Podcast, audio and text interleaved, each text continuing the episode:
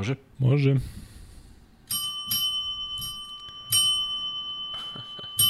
Sad si u nekom fazonu ko Mr. Bean, a? Da. Pa ja sam mislim da dva, tri komada pa. Nema, jednostavno. Dobrodošli u 72. izdanje podcasta sa Lukom i Kuzmom. Vidite da imamo, to jest imam ja drugačiju majicu, Kuzma je u istoj. Kuzma, uh, ajde samo iz, reci da je majice uzimaju šta rade, pa da pređemo na gosta Sad ima koji sve na prodavnici, sve na prodavnici, prodavnici Infinity Lighthouse, mogu da se naruče, uh, ima više boja, tri boje, ima i cena koju ćete vidjeti, simbolična je u smislu zato što prva dva broja predstavljaju Lokin datum rođenja, a druga dva broja su broj mog broj dresa koji sam nosio, pa smo to negde našli da bi bilo u odnosu na cenu koja je nabavna, da je nešto sasvim prihvatljivo i video sam da ljudi jako dobro reaguju do sada.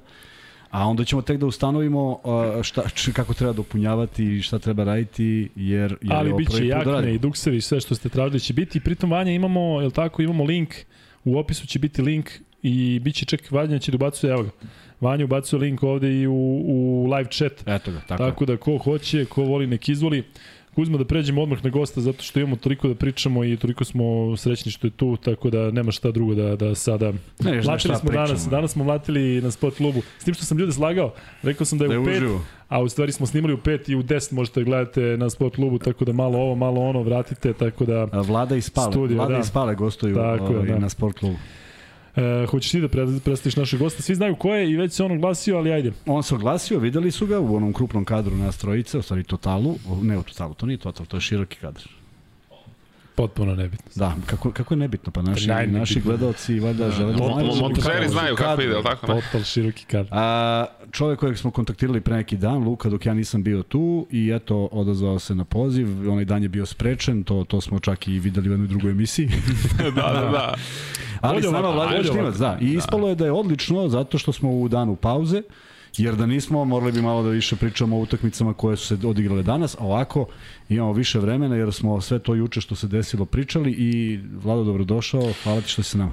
Pre svega hvala, bolje vas našao, hvala što ste me pozvali, za jako zanimljivo, pratio sam malo šta se dešavalo, ovaj, e, pratio sam vaš podcast, isto, isto gledao sam, posle mi Luka, isto stvarno je onako super je, što je najvažnije, onako Opušten, je, priča, tako je.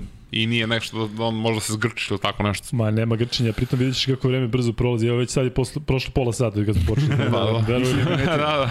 Da, Vlado, znaš šta je najaktuelnije od toga, naravno možemo da počnemo, ajde, nećemo, mi verovatno će i gledalci da pitaju neke detaljnije stvari, ali kako si ti sve video ovo kao neko ko je toliko dao reprezentacije, toliko svoje sa reprezentacijom, kako si se osjećao, kakvo je tvoje viđenje cele priče, sad kad se osvrneš nekoliko dana kasnije? Pa ne znam, evo, mislim kad se ispomene i ta reprezentacija i sve, ja se odmah naježim, jel to je nešto zašto sam ja dao sve što sam mogao košarkaški u, u životu, da li su to bile mlađe selekcije, da li su to, da li su to bili seniori i da li je bila univerzitetska, bio sam na dve univerzitetske, znači nisam ništa, ovaj, kako se zove, eh, propuštao i ono, jedva sam čekao da bude reprezentacija. Pa me, mene je to, ovaj, kako zove, pogodilo me, uh, ali možemo, ja, ne znam kako bi to rekao sad, bez reči ostaneš u tom trenutku, uh, ima dosta nas uh, koji bi pričalo i koji znaju i ti možda pričaš i, i Kuzmo isto može da priča, ali svi nekako uh, glume neke, uh, kako da kažem, uh, vojskovođe posle bitke. Tako je. Mislim, okej, okay, treba da ima i kritike i sve, ali konstruktivne neke kritike i to, ali to treba da budu ljudi koji znaju košarku, bili su reprezentaciji, znaju šta je reprezentacija, znaju šta je profesionalna košarka, znaju šta se dešava. Meni je žao, uh, možemo mi tu da analiziramo, da kažemo svoje, na kraju kraja ovo je demokratska država, imaš pravo da kažeš šta želiš, je li tako? Ne znam, žao mi je bilo, ja, uh, kako je, kako je krenulo prvenstvo, ja sam sa mojim bratom to i sa, sa, sa, sa mojim tatom sam dosta pratio i kažem, ljudi, nemojte pogrešno me shvatite, ne bi bilo loše da izgubimo jednu utakmicu u, u grupi. Kaže, kažemo ćale, a zašto? Pa kad izgubiš u grupi, dobiješ jedan šamar, onako koji te malo vrati unazad i onda se ekipa skupi. Ako je ekipa, a jeste ekipa, a onda se ekipa skupi. I onda se rađa zajedništvo, jačina i te sve stvari imam iskustvo, znam šta se dešavalo kad smo bili u Granadu kad smo išli, no i nas niko ispratio bio.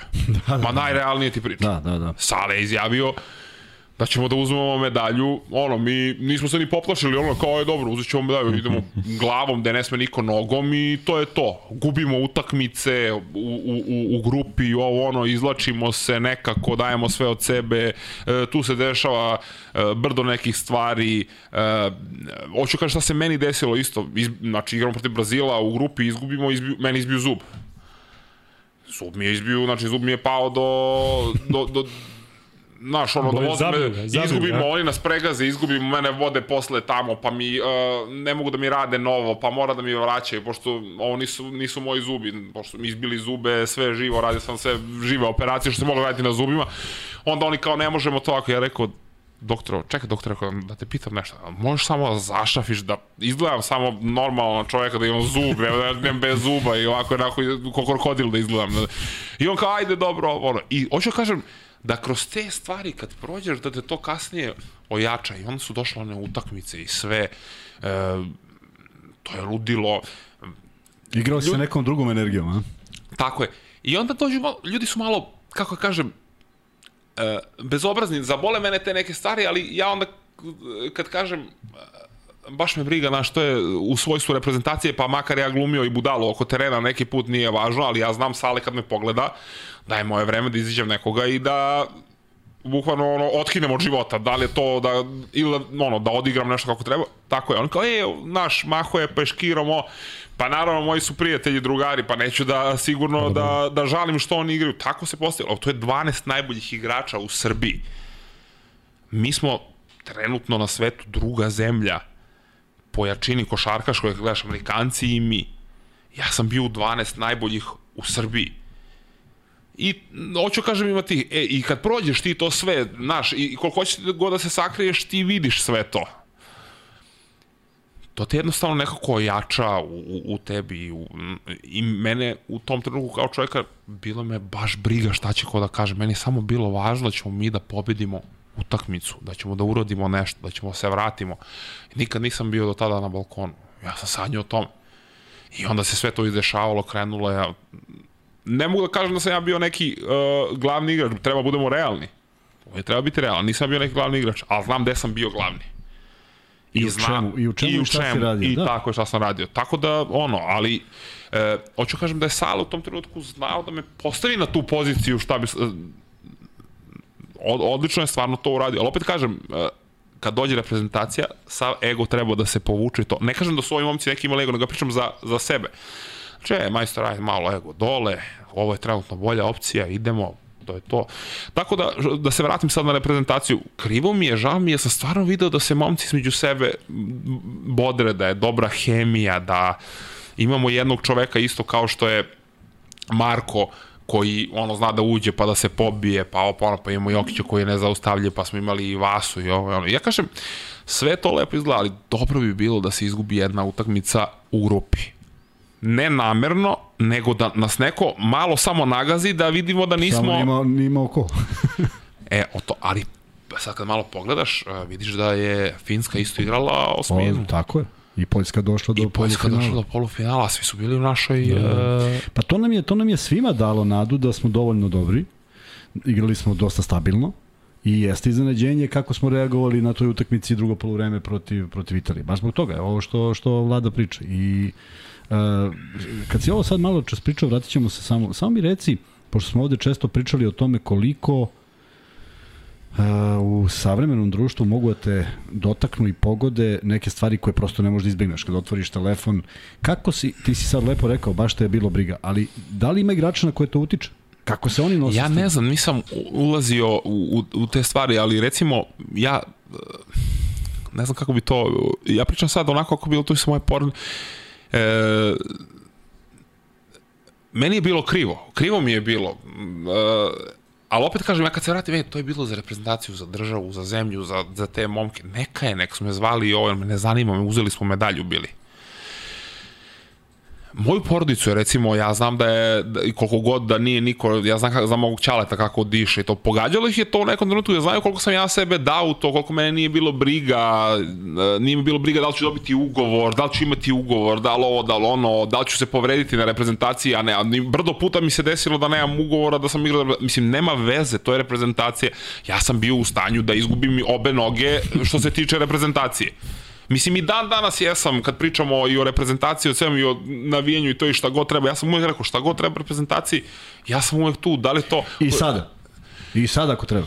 Jesam, no, ne mogu da kažem, ali isto pričao sam, ne mogu sebi da iskočim, ako ode možda u kinu ili tako nešto, je to, znam da sam rekao da sam otišao u penziju, ili to, ali mi je nekako, kad vidim, nedostaje mi sve to, eto, ne, da, najprostije, objasnim, baš mi je dosta ta reprezentacija, baš mi je dosta, iako imam 35 godina, iako sam, kao kažu, ono, matoro magare sad e, i ovo i ono, nedostaje mi, znaš, ja bi otišao na taj trening isto tamo sa njima, ono, da, da, da im bude dobro, pa ako ja mogu nešto da pomognem da se nešto nije važno bilo šta to bilo. Znači ono, ako treba da se uđe neko da se ono malo pobijemo na terenu. Upravo to. I kad, kad pričaš o ovim, o ovim pričama, mislim, jako smešna situacija, to, mislim, nikad ne bi uradio i mnogo, ja, ali razmišljam, e, da li si video kad smo izgubili od Italije u kom trenutku je bio taj pad dole?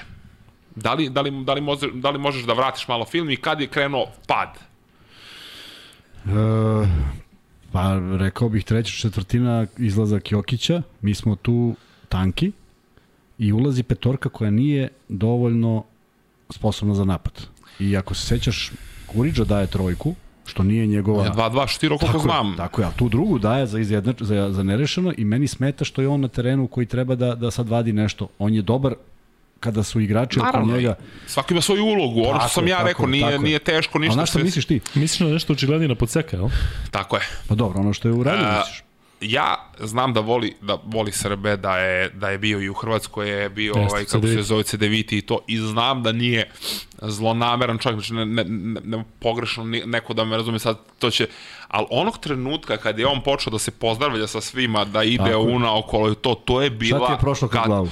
bilo mi prošlo mi, a, evo iskreno sad al to to je ljudski prošlo mi je mislim ja bi posle mu se izvinuo i i rekao bi mu ali ja bi napravio frku ozbiljno to kaže i Luka Da je znači, neko da, da je neko trebao, ja to kažem onako, mislim, opet ponavljam, uh, on mi je sjajan čovjek, nikada to ne, ne bi uradio, ali u tom trenutku je neko trebao da ga nabode. Jel bi se pozdravio da bude sa njim? Jel bi se pozdravio sa njim kada je išao onako...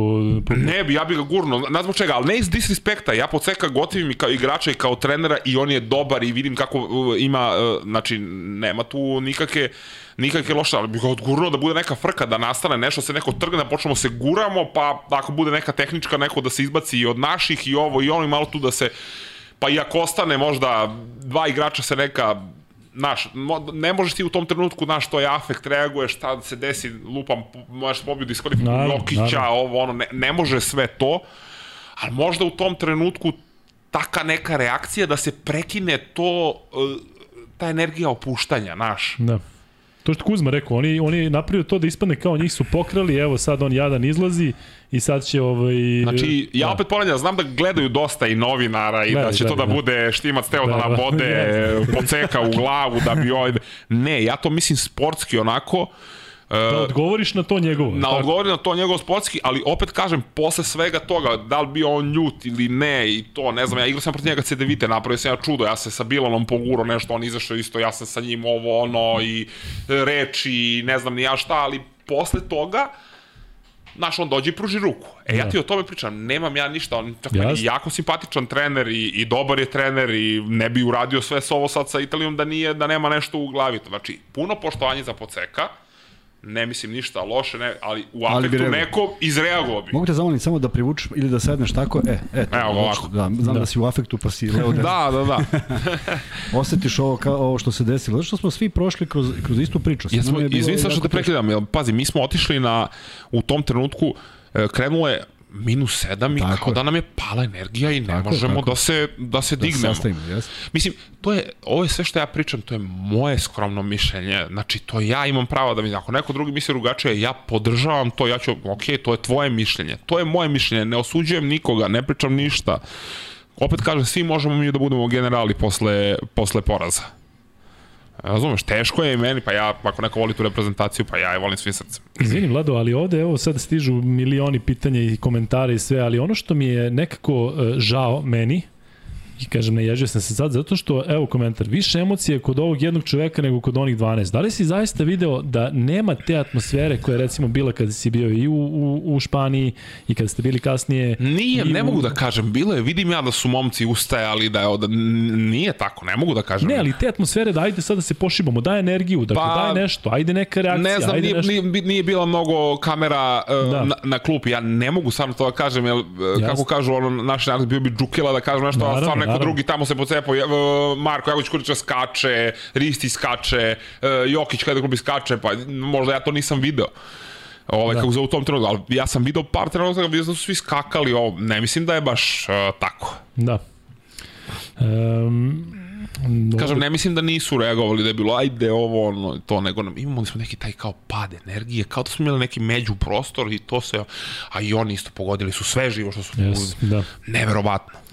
Ne, ova utakmica protiv Italije će zaista ostati istorijska u smislu da ćemo svi pamtiti neko te poraze, zato što je baš specifična. Sa tim podsekom, sa tim padom, sa svim ovim našim, mislim da će onako biti jedan od većih udaraca i nije ni čudo što je Mića uh, uporedio to sa onim 2005. i sa Francuzima i zbog jačine tima i zbog tog razočenja i zbog svega, dakle Jeste. nekako se zaista stvorilo Vrlo slično. Koje Da. godine, izvini? 2005. kad nismo kada je u, u Novom. Sadu, kada je, znaš kakva je ekipa bila, pa su Francuzi dobili ono i došli u Beograd. Mislim da nam je to najjača ekipa bila poslednjih, ja ne znam. Apsolutno, to je, tu su svi su se odazvali, svi su došli i ispalo je kako je ispalo. Da, ali što ti kažeš, zaista te kasnije ispri, isplivao neki prljav veš, ovde zaista delo da nije bilo nekog prljavog veša. Dakle, nema nije bilo nekih klanova, sad ti imaš dva igrača na istoj poziciji pa se neko kači. Ma ne, nije bilo, ja to mogu, tako odgo je. ja mogu odgovorno da, da tvrdim, vidim, mislim, sa toliko godina, svi zajedno smo u košarci, ja znam i tvrdim da nije, da nije bilo to. Da. Ali vidi koja je razlika, lepo si spomenuo, vi 2014. odlazite bez, bez ičega i kod nas, sad mi gledamo sa strane i čekamo i slušamo Sašu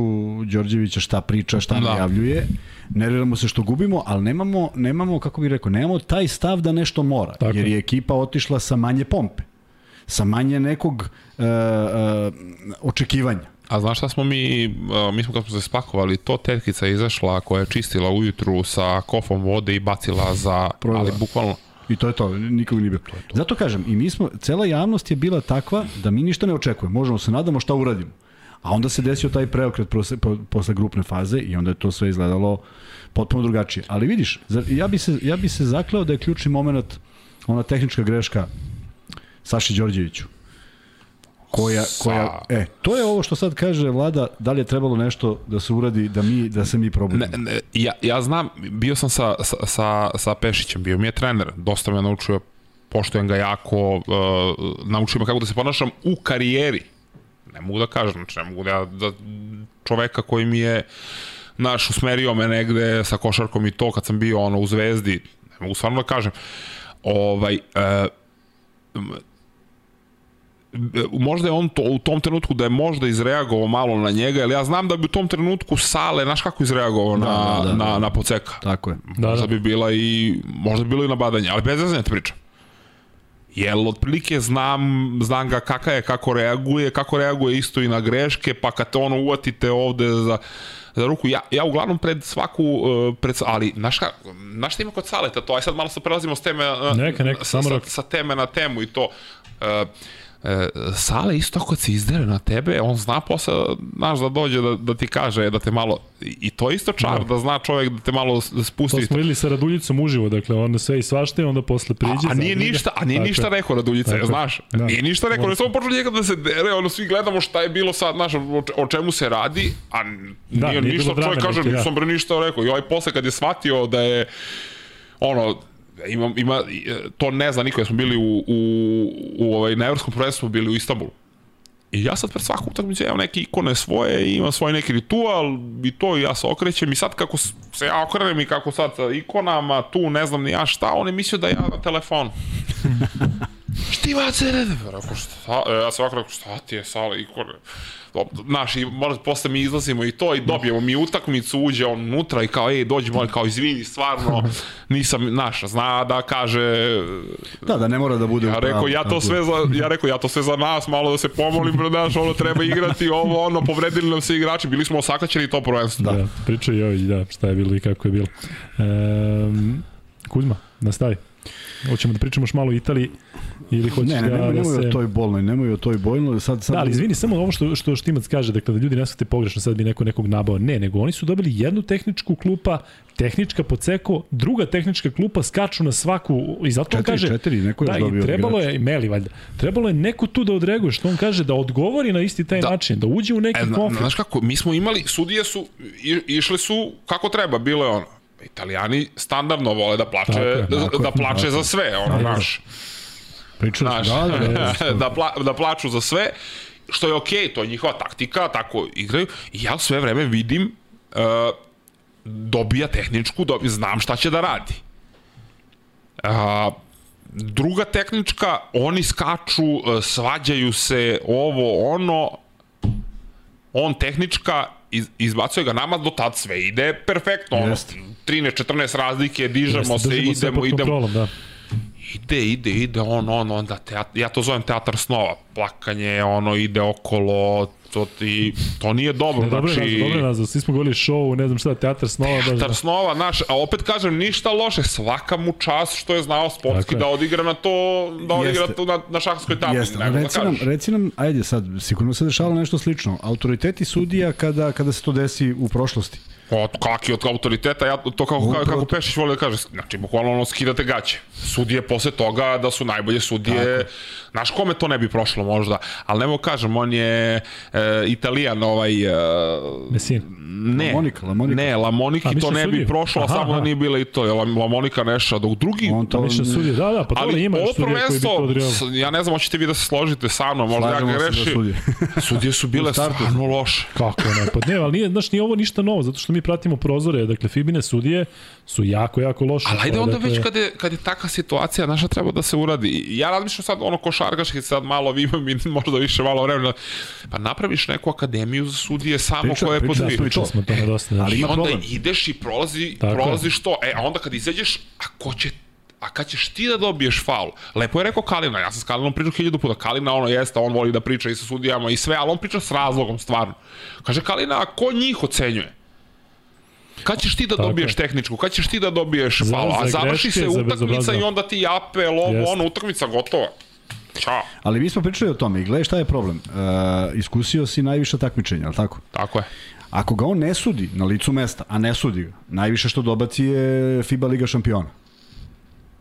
On Da, mora da, da sudi, ga- on, onda bi bio bolji. On, znaš kako prolaze, sudije se kreću ka kvalitetnijim kada sude ozbiljne utakmice. Futbal, košarka, sve jedno. Da. On ako stalno sudi jedan, jedan nivo takmičenja i nikad ne vidi Euroligu sem na televiziji i ne vidi tvoj kontakt sa centrom i koji se ne okarakteriše kao faul u Euroligi, a ovde ga dune svaki drugi put, on mora to da vidi da bi koga od onih, ko, su ove sudije, koga su od igrača videli uživo na nekoj utakmici. Jako mali broj. I ja verujem da, da su oni bili više oduševljeni sa. Dončićem, Matekumpom Jokićem, Vasom dok su gledali Pa nego... jesi primetio, jesi primetio šta pa se desilo? A jesam, primetio Kada sam. sudija uruči Janisu loptu, a ovaj mu vrati da namesti ono njegovo, Da, on ima onaj izbačaj pre Šta znači izbačaj. uručenje sudije, kad ti sudija uruči loptu? Izvedi bre penal. Da, nema, nema vraćanja i Da to. loptu. Mislim, dobiješ tehničku, oni su, ja mislim, nekoliko puta i dobio tehničku čak u, u NBA, Jeste, gde se to dešava. su da je. čak imali smo tamo Ovde 10 sekundi, pa broji cela hala, nisu, znaš, cela je. hala naravno. Jedan, dva, tri, Da, onda Onda ako si je vratio, to je po Fibinim pravilima, šutnu si i bacanje. Da. Da, da. Izbacio Vidiš, ja to, ja to nisam znao. Ne, ne sme, ne sme da ti vrati. Čim ti uručio, možeš samo da šutneš na koš ili da uradiš bilo šta. Ovo se računa kao... Ali evo, sad kad već pričamo o to, FIBA, Euroliga, ne znam ja šta, nije loše se pomene da je Deki Bodiroga Pričamo o novi... da, da, da, pričali da, pričali smo. Meni je, meni je jako drago. Ne Kako što ne? ja nekoga, nego drago mi je, znam da, ono, uh, tu je čovek koji je stvarno, da kažemo, košarka. Znaš, je svojio i bio i ovo i ono, znači, e, ne želim da me niko drugi pogrešno shvati, ali takvi ljudi trebaju da budu u sportu i na pozicijama a ne neki drugi ljudi. Nema ništa protiv Đorđe Botreva, nego kažem, je li igrao on košarku nekada čovjek? Je, niko nema se doka. Aha, evo, ono dobro. Ne, on čovjek advokat, čovjek pravnik, dakle nema Pravnik. veze. Da, da. A, to je. Um, ali ajde kada pričaš, kada pričaš uh, generalno o sudijama, ja uvek tebe pamtim da ti si uvek dizao ruku čak i kada nije kada misliš da nije faul. Ma ja sam dizao ruku da ne bi dobio neko drugi faul, razumeš, jer on je u tom trenutku važniji i onda ja dižem ruku i ovaj kao, šti me diži ruku, ti drugu, ja kao, ajde, ja sam. Bez obzira što je bilo a sudija, a sudija kao, a nisi ti bio, ali ajde, da- ja sam rekao, nema veze. Ali sećam se da je on lepo, da si lepo hteo da objasniš sudijama da je zaista pogrešio, da nikada nisi imao neke reakcije. Kad Nisam pričaš sa sudijama, ja vidim da mu ti kažeš, čekaj, nisi dobro video, da. obrati pažnju na to. Znači, u, ne, u Nemačkoj igramo protiv Albe, ja sam tad bio u Bayernu sa Pešićem, a, sudija navalio mi se na leđa. Bukvalno čovjek mi je seo na leđa i njega nosim na celu utakmicu. I ja kažem, ono, e, zna Kuzma, znaš i ti, centri dobijaju ozbiljne batine ispod koša. Znači, e, na treningu ono kad se pre, prebaci se, da centri igraju kao play, a malo da se ono, zezamo i to, da, da playevi igraju centar, kaže, znaš, brate, svaka ti čast, malo je kaže, nije da se gurate, kaže, dole, to je, to je strašno. I to boli sve. I ja se okrenem i objasnim čovjek, rekao, daj malo, znači bio je faul, ne tražim ja da mi sviraš faul, ne, ono, ne tražim da budem ja beli medved, daj bio faul. Znači, sledeći napad, ja čovek uzimam loptu iz ruke, izbijam mu, on svira posle 3 sekunde meni faul da, da meni napakosti. Ja, znači, oni postaju uh, zvezde utakmice, Tako je, razumeš? Tako je. Niko nije, nema pogreš, ja uvijek kažem, nemoj pogrešno me shvatite, nemoj da me pogrešno shvatite. Nisi ti zvezda, ali ne treba ni tebe omalažiti. Znači, ljudi su došli tu zbog Jokića, Vase, ovoga, onoga, da, da, da, da, da gledaju Treba da su utakmicu. neprimetni, da rade Treba- svoj posao. Tako je, da bude sve da. kako treba. E, oni naprave u Idurmu ozbiljno, na- znači ono, dešava se. Ali, bio sam i sad vrhunski sudija. Tako je. Ima i naši vrhunski sudija, Belošević. Ima, e, kako da nema. Znači, onda ne zaboravim se. Imamo stvarno, ovaj, kako se zove... Ali oni su van ovog sistema takmičenja, gde je možda neki podugovor mogao da se napravi pa da ih angažuju. A, naravno, to bi FIBA ne bi, ne bi nikad prihvatila, ali zaista je e, za ovako ti takmičenje... da Eka ne bi prihvatila, mislim da ne bi Moguće, Euroliga ne, pa moguće, svejedno. Ali postoji boja za onome koji sam pričao ovde. Ovde prvo stvorena je atmosfera da, ne samo što je stvorena atmosfera, evo, e, tu si da nam kažeš, e, prošao si mnogo i imao si trenere u nekom periodu kada su treneri bili neprikosnoveni. Se slaže da smo ušli u neki drugi malo svet gde su igrači ipak zbog marketinga, zbog svega Zbog iznad. ugovora. Ja recimo sam bio, iznad. da, ja kad sam bio, da kažem, u, ce, u cvetu mladosti, u svetu košarke, ono 24-25 godina, još uvek je bilo to da je trener, ono, bog i batina. E onda kasnije, znaš, pojave se tu igrači i onda su tu ozbiljne pare, onda se malo za, zapostave treneri, više igrači, ali to je neki biznis plan biznis, i da, biznis i program je, koji, je. koji, koji, koji e, ljudi koji imaju klubove žele da bude tako, jer tu igrači im donose novac i to. Ali ljudi da vam kažem sad nešto, sad trenutno košarka je najneprofitabilniji sport što se tiče tih ljudi koji dolaze sa ogromnim novcima što, što ulažu od, ne, od uvek bio. Tako je, i, a to mene ner, al, al to mene nervira, jer onda igrači stvarno koji sebe godinama izrabljuju, jel e, košarka je lepa i, i sve, ali svaki doktor će da kaže da profesionalni sport nije zdrav, jel tako? Pa Gaga Radovanović ovdje kad je došao, posle, Pričao njegov, nam je, da. posle njegove priče, Da, ja mislim da niko se- neće trenirati više nikada. A kaže sport, da. sport i na, ono ja isto tad sam im pucu kao ne on nego samo Gaga Boris Vukami, Bor- Boris Vukomanović Vlada Vukomanović ljudi sport nije zdrav Da, da. profesionalno Takav napad. Ja kao zbog čega? Pa kaže, vidjet ćeš kad budeš imao tamo 40, 45, 46, pa kad se sve bude pojelo dole, pa kad bude bilo, kako se kaže za ono, o, o, ostrio, ne znam ja, ostrio, da, ne znam ja da izgovorim i to, pa ne, Nemoj da govoriš, i onda ne pa dobiješ. ne, ne, ono, znači, pa ne prizija, ali koliko već, evo, 18, 18 godina sam profesionalno, to je svake godine bez, bez ikakvih odmora, bez ičega, provodiš, sporedicu provedeš možda 10 dana i ajmo opet. Nije mi žao. Ali hoću da kažem Doći na da, naplatu, da. da doći naplatu kad tad svima. Ja moram ti ispričati anegdotu sada kad je rekao 18 godina, prošlo mi kroz glavu. U budućnosti šetam sa Žaretom Čabarkapom, završavamo neki Da. trening, idemo jedan pored drugog, ja ga onako gledam, Žare je ko pauk, onako, znaš, a klinac bio, sav ogroman. Ovaj, ja nešto bez veze mi prošlo kroz glavu i kažem, Žare, od, od kada ti treniraš? On kaže, od 8 godine. Pa rekao, koliko treniraš? On kaže, 14 sezona. ja kažem, Ja sam počeo Isto smo, sa 17, isto da, smo da. status. U iste krenuo- godine smo krenuli, da. jer sam krenuo sa 17. Imali smo Da, da. isti broj godina. To ja, nije loše. Hm? Ne, ne mogu da zamislim koliko je žare da meni je žao što on imao povredu i što nije ostvario svoju karijeru na, na terenu Jeste. do kraja. Ali zamisli koliko bi on godina igrao. U 35, evo kao ti. A, A, igrao- 27 godina. Ali evo sad kad to pričaš i ja sam, znači ja sam sa ono 8 9 tako? već počeo da treniram i, jeste, i igram bio jeste. Beo Vuk, Pošta, Znači, 27 Rovo. godina imaš Da, da. staža. E, ali bukvalno. I uh, sad kad pričamo o tim stvarima, uh, kad sa, sa klincem pričam i to je on tata košarka, ok, ajde, košarka ovo, ali ja ga guram stvarno, aj malo idi na plivanje, idi malo na, na futbal, idi malo Vidi na, ima, da. na ovo, na ono. Ne, ne zato što ja želim da, da on i, i, ide na to, nego želim da ga sačekam do neke 14. 15. 16. da bude uh, Da bude dete da se igra. i da bude se- dete da se tako. igra, ali da bude, hoću da kažem, do- dobar je futbal za koordinaciju, za ovo, za ono je. i to. I onda samo se prebaciš Da. i kreneš, jer ako ceo naš u jednom trenutku ćeš da dođeš i reći ćeš jebre čale bre, ne, neću više i to. A ja, ja bih voleo, stvarno, voleo bi za mog Vukana da sve, sve, voleo bi da igra za reprezentaciju. To bi mi bila, ono, ostvarenje snova, posle toga bi ono, stvarno bi voleo, zato što je onako i veliki je i, i stamen je i pokupio je najbolje stvari od, eh, od žene. Meni žena 191 visoka, ono, ja imam 2,8 i to, pa naš, ne može da, da bude ispod 2 metra može, nikako, da. razumeš?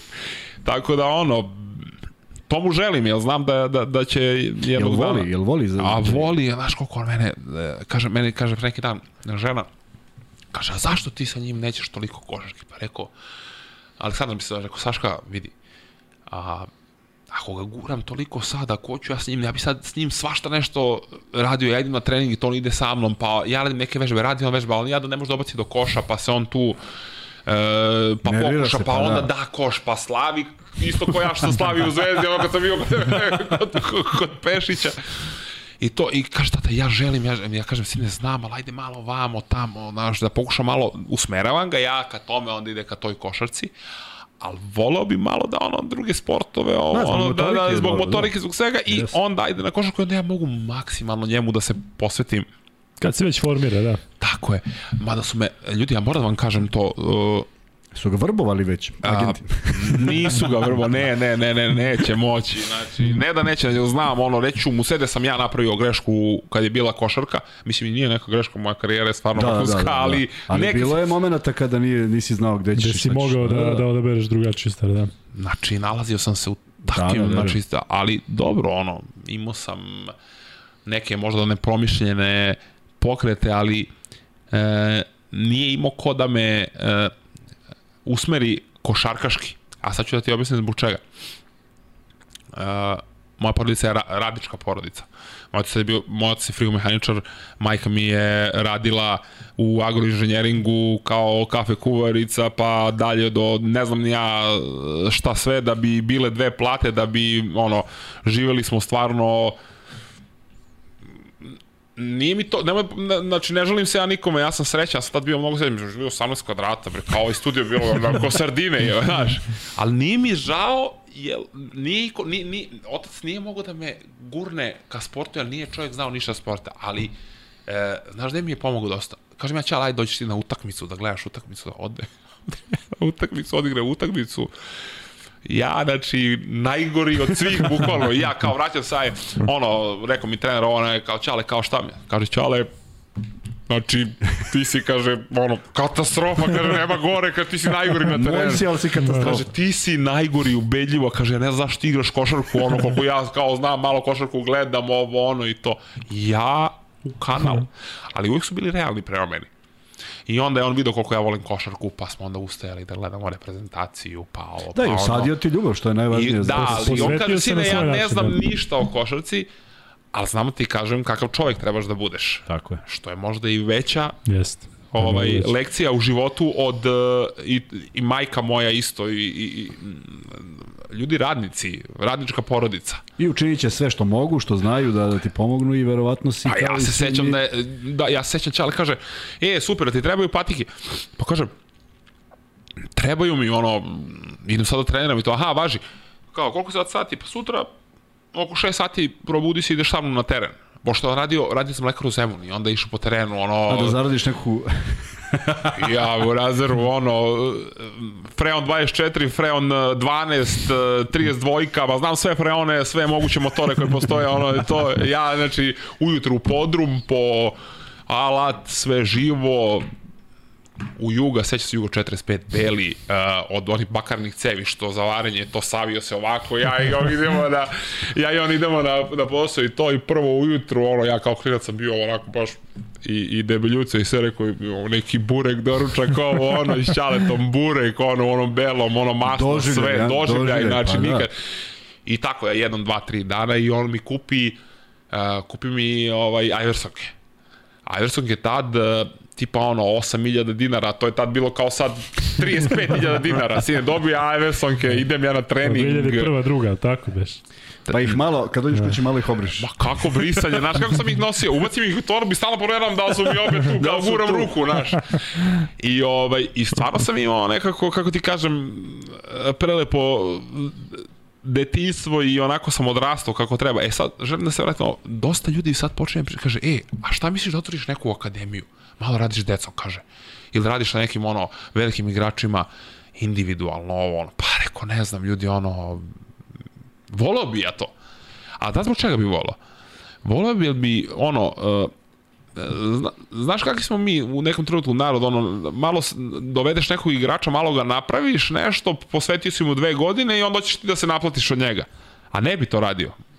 Želeo bi da pomognem deci, ono, da, da dostignu da i to, da nešto, da nauče. Da Jel treba? Ne, treba sine da si ti živ i zdrav, tera i samo, znači to... Da, i prošao si šta si prošao, pa imaš i neko iskustvo i imam, toga, tako Imam ozbiljno iskustvo oko toga, naravno treba, ne mi prošao šta svako treba da, da zaradi, ali ne treba... Da, ima i nešto iznad toga. Ne, treba, ima nešto iznad ne, toga. Ne treba preterivati. Uh, jedno pitanje, ne jedno pitanje, nego nešto što što svi ljudi znaju o tebi, to je naravno vezano za reprezentaciju i Dobro. kad si bio u reprezentaciji oni su pratili. Ali ajde reci nam e, životni put, u smislu početaka, ja znam naravno, ali reci gledalcima stepenice koje su išle i prepreke neke koje su bile. Mislim da je to vrlo interesantno jer ih u životu sigurno nisi imao malo. Ja baš sam imao dosta prepreka, ali ja sad kažem zbog čega. Ja nisam nikada bio najtalentovaniji klinac nikad nisam najlepši gledao od svih. znači, ono, da vidiš kako se pojavi Aleksandro, pa Lazar da, Rašić, tela, pa da, to su da, tela, da, ja došao ono, sa, ovaj, kako se, roštiljanje, ono, bukvalno, mislim, ali najrealnije, ne, mislim, ono sad, butko sam bio, volao sam da jedem, mislim, i dan danas volim, ono, sad malo manje, zato što zbog svega što se dešava, ali sport i to. I ono, znaš, kako, kad vidiš, pa te malo gurnu u stranu, pa, pa teško mi je bilo. I ja sam sve, znači, ja sam sanjao košarku svaki dan, znači ono kad idem na treninge neke, pa kad je bila ta reprezentacija, ja, kad sam bio klinac, baš ono kad sam počinjao, prvi put kad sam bio pozvan na reprezentaciju, kad sam bio klinac, baš u Beovu kad sam bio, odem na reprezentaciju, dan taj pre, pre reprezentaciju, ja ne mogu da spavam.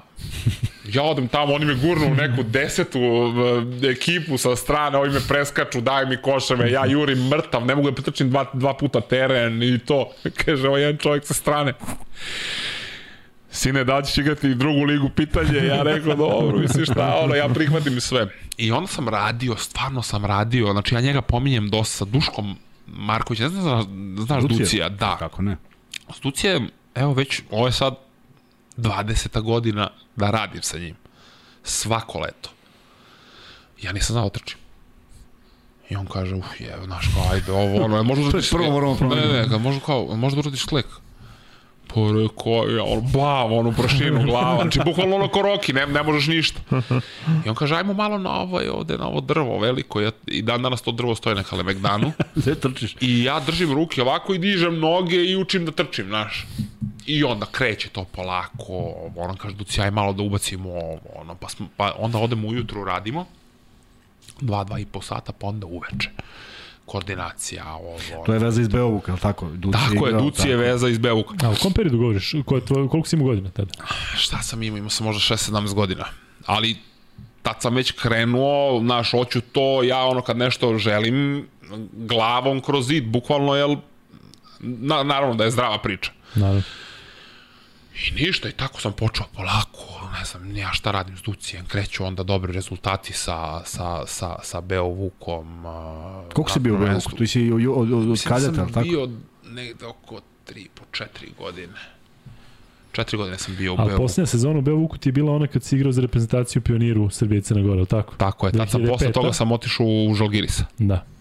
To je Be- imao 17, tako? E, da, 17 godina. Znači, sa nepunih 18 sam već otišao u, u Žalgiris. Da. I ovaj... E, I krenulo je to tako, eto.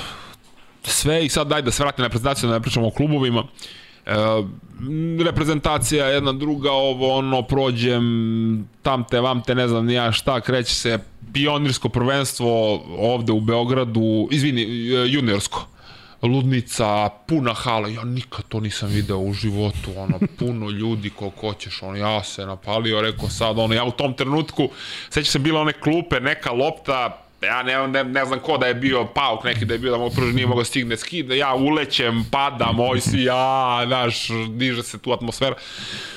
E, sa mnom su tu bili Teodosić je bio, bio Labović, Aleksandrov Jerminov. nije mogo, Bane Jerminov, Bio je... a, bio je Dašić, Paunić, Dašić, Mijatović, Mijatović, Tepić je bio, tako? Tepa je bio, jeste. Radulja, bio Radulja. jeste, bio je Radulja. Jeste, bio je Radulja. Bobi I nije mogu da bude, nije mogu. ko? Bobi, Ne, Bobi je mlađi. da. On je tek posle, mislim, ono, kasnije je onako izašao u prvi plan. I mi uzmemo tu zlato. To je bilo kao da smo, ne znam, ja, ono, Protiv idemo na, fi, finalu, protiv idemo na Salaša. i- finale, idemo na finale, Džen Kakiol i ta Da, ekipa, da, da, idemo na Jagmur. finale, Nalga, Jagmur, da, Da, da. idemo na finale, ono, ljudi pored pionira puno je, i ja rekao, šta je ovo, bre, ljudi, mi ušli u halu, znači, ono, dupke, 7000 ljudi, puno, Mm, ono, osjeća ja se narežio i to ja kao, ono, želim da igram za reprezentaciju dok god bude mogao da igram košarku i to, i onda kreće, kreće, kreće, onda sam bio na, posle sam bio na univerzijadi dva puta, neki su bili zvani sa univerzijade, ja nisam, nema veze, nisam se osetio nešto ja sad kao bili su momci bolji od mene. Ali jedna medalja na univerzijadi? Dve, Dve, ne, je tako? ne, ne, dve, Ne, ne, znam da ja, ja imam, imam jednu iz Šenžena, a druga je ovde iz Beograda. Da, Beograd 2010. Sa Lukom Pavićevićem smo, sa Lukom Pavićevićem smo išli Da. da. u Šenžen, bio je Lučić, e, Ljubičić, e, da li je Kalina bio tad isto, ne, nisam siguran. Ne, Kalina je došao kasnije, nije, nije Kalina bio. Uh, bili su, ovaj, e, bili smo tamo, osvojimo tamo i to i ništa, on prošlo, ja već sam tu bio, m, ne znam, ja znam da uglavnom E, ne mogu da sad tačno setim celog redosleda, ali posle toga je bila, ja mislim, godina slobodno ili sam bio nešto ovako i onda je malo nešto krenulo i onda bio sam u Turskoj prve godine. I zvoni meni telefon Neša Ilić. E, gde si ti ima legenda, a ja i on pričamo nešto, zezamo se, ono, znaš, Šonata Ilića, Kako ono, ne, ne, ne može drugačije. To je kao, znaš, kao, kao zvaćete Duda, kao, znaš, to, ja rekao, molim, kao, pa, zvaćete Duda, znaš, pa kao, on malo zrepeta, ja rekao, dobro, ono, ja, ono, već sam počeo da se, Znajući nešto može bude i ozbiljna prevara. ja rekao, znaš, ono, znam ga da, ali ne, nije, nije, kad, znam ga Da kad priča priča ozbiljno, da, da. nije.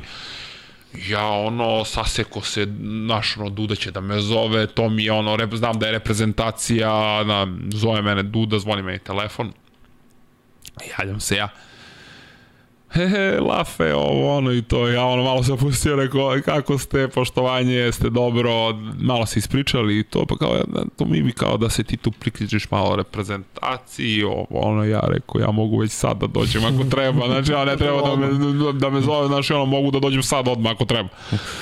Nema problema, ovo, ono, je to, i tad sam krenuo.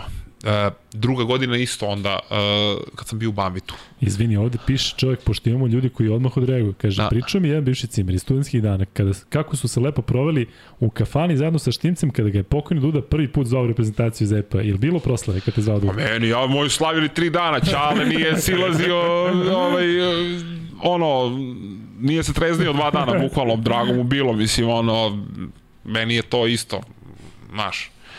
Bilo je tu svašta, stric, ono, stric sakri i plače, pa ga mi uvatimo kako plače, pa, ma da, pa bilo je svašta. Moji su jako veliki motivici, cela porodica, znaš. Vlado, ja sam dobio poruku od jednog ovaj, našeg Prijatelja. prijatelja koji sedi iza tebe, kaže, podigneš malo mikrofon. Da, da. Aha, Samo ovaj da. Taj, da. E, E, da, e, E, to. ja se zaneo, znaš, kao ovo da Stvarno, Dobro, priča. mesta je- ti stoji, ja, eto, to. Ovaj, gde smo stali? Stali smo kod... uh, Dude Banvit. Duda Babić, da. da. I du, uh, druga godina, Duda ide i razgovara, znaš, Duda ovako veliki šmeker i to, on to ide i razgovara sa igračima, malo da se to kao malo se približi, da se porazgovara, stvarno u Istanbulu se nađemo.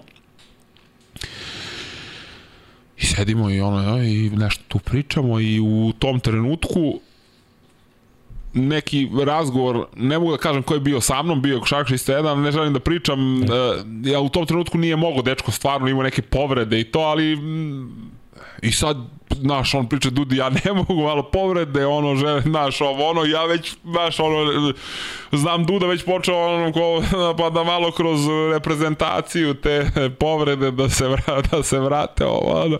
I ništa, pričali su oni, posle to sve bilo okej, i kaže mi Duda, a šta je s tobom? Pa rekao, ja mogu već sad ako treba, nije nikakav problem, meni, meni ja sam dobar, ne, nema, nema nikakav problem, e, kaže, super i to. I stvarno, s Dudom isto šta se sve, ono, Bog da mu dušu prosi pokojni Duda, znači stvarno veliki, veliki trener i da te nauči i šmeker i da se izdere kad treba, da ti kaže ono, pa posle malo da te spusti, da ono kao, pa dobro, maco, znaš, ovo, on stvarno vrhunski čovek, I ono, eto, on me uveo u reprezentaciju, ja sam ve- već, već ću mu biti zahvalan zbog toga. A dobro, ajde se vratimo samo još, još malo. Ovaj, e, dakle, kako ti je delovao taj Žalgiris kad ti sad iz Beovuka prešao? Kako je uopšte, kako je tebi to bilo? Jer izlaziš iz jednog okruženja. Ja ne znam kako si, sam ja završio u Žalgirisu. Si sad razmišljao o tome, pa ne znaš, nije ti jasno. Ja ne znam kako sam, ja sam otišao tamo, ja sam bio A pazi, bio ba, baš si mlad. mlad, otišao ja u Žalgiris. I sad ja tu malo sad sklapam kockice, znaš, mi stalno ih ono, stalno ih dobijamo finale, oni izlaze, ovo, ono i to, kako će tamo i to. I stvarno bilo super u Žalgirisu.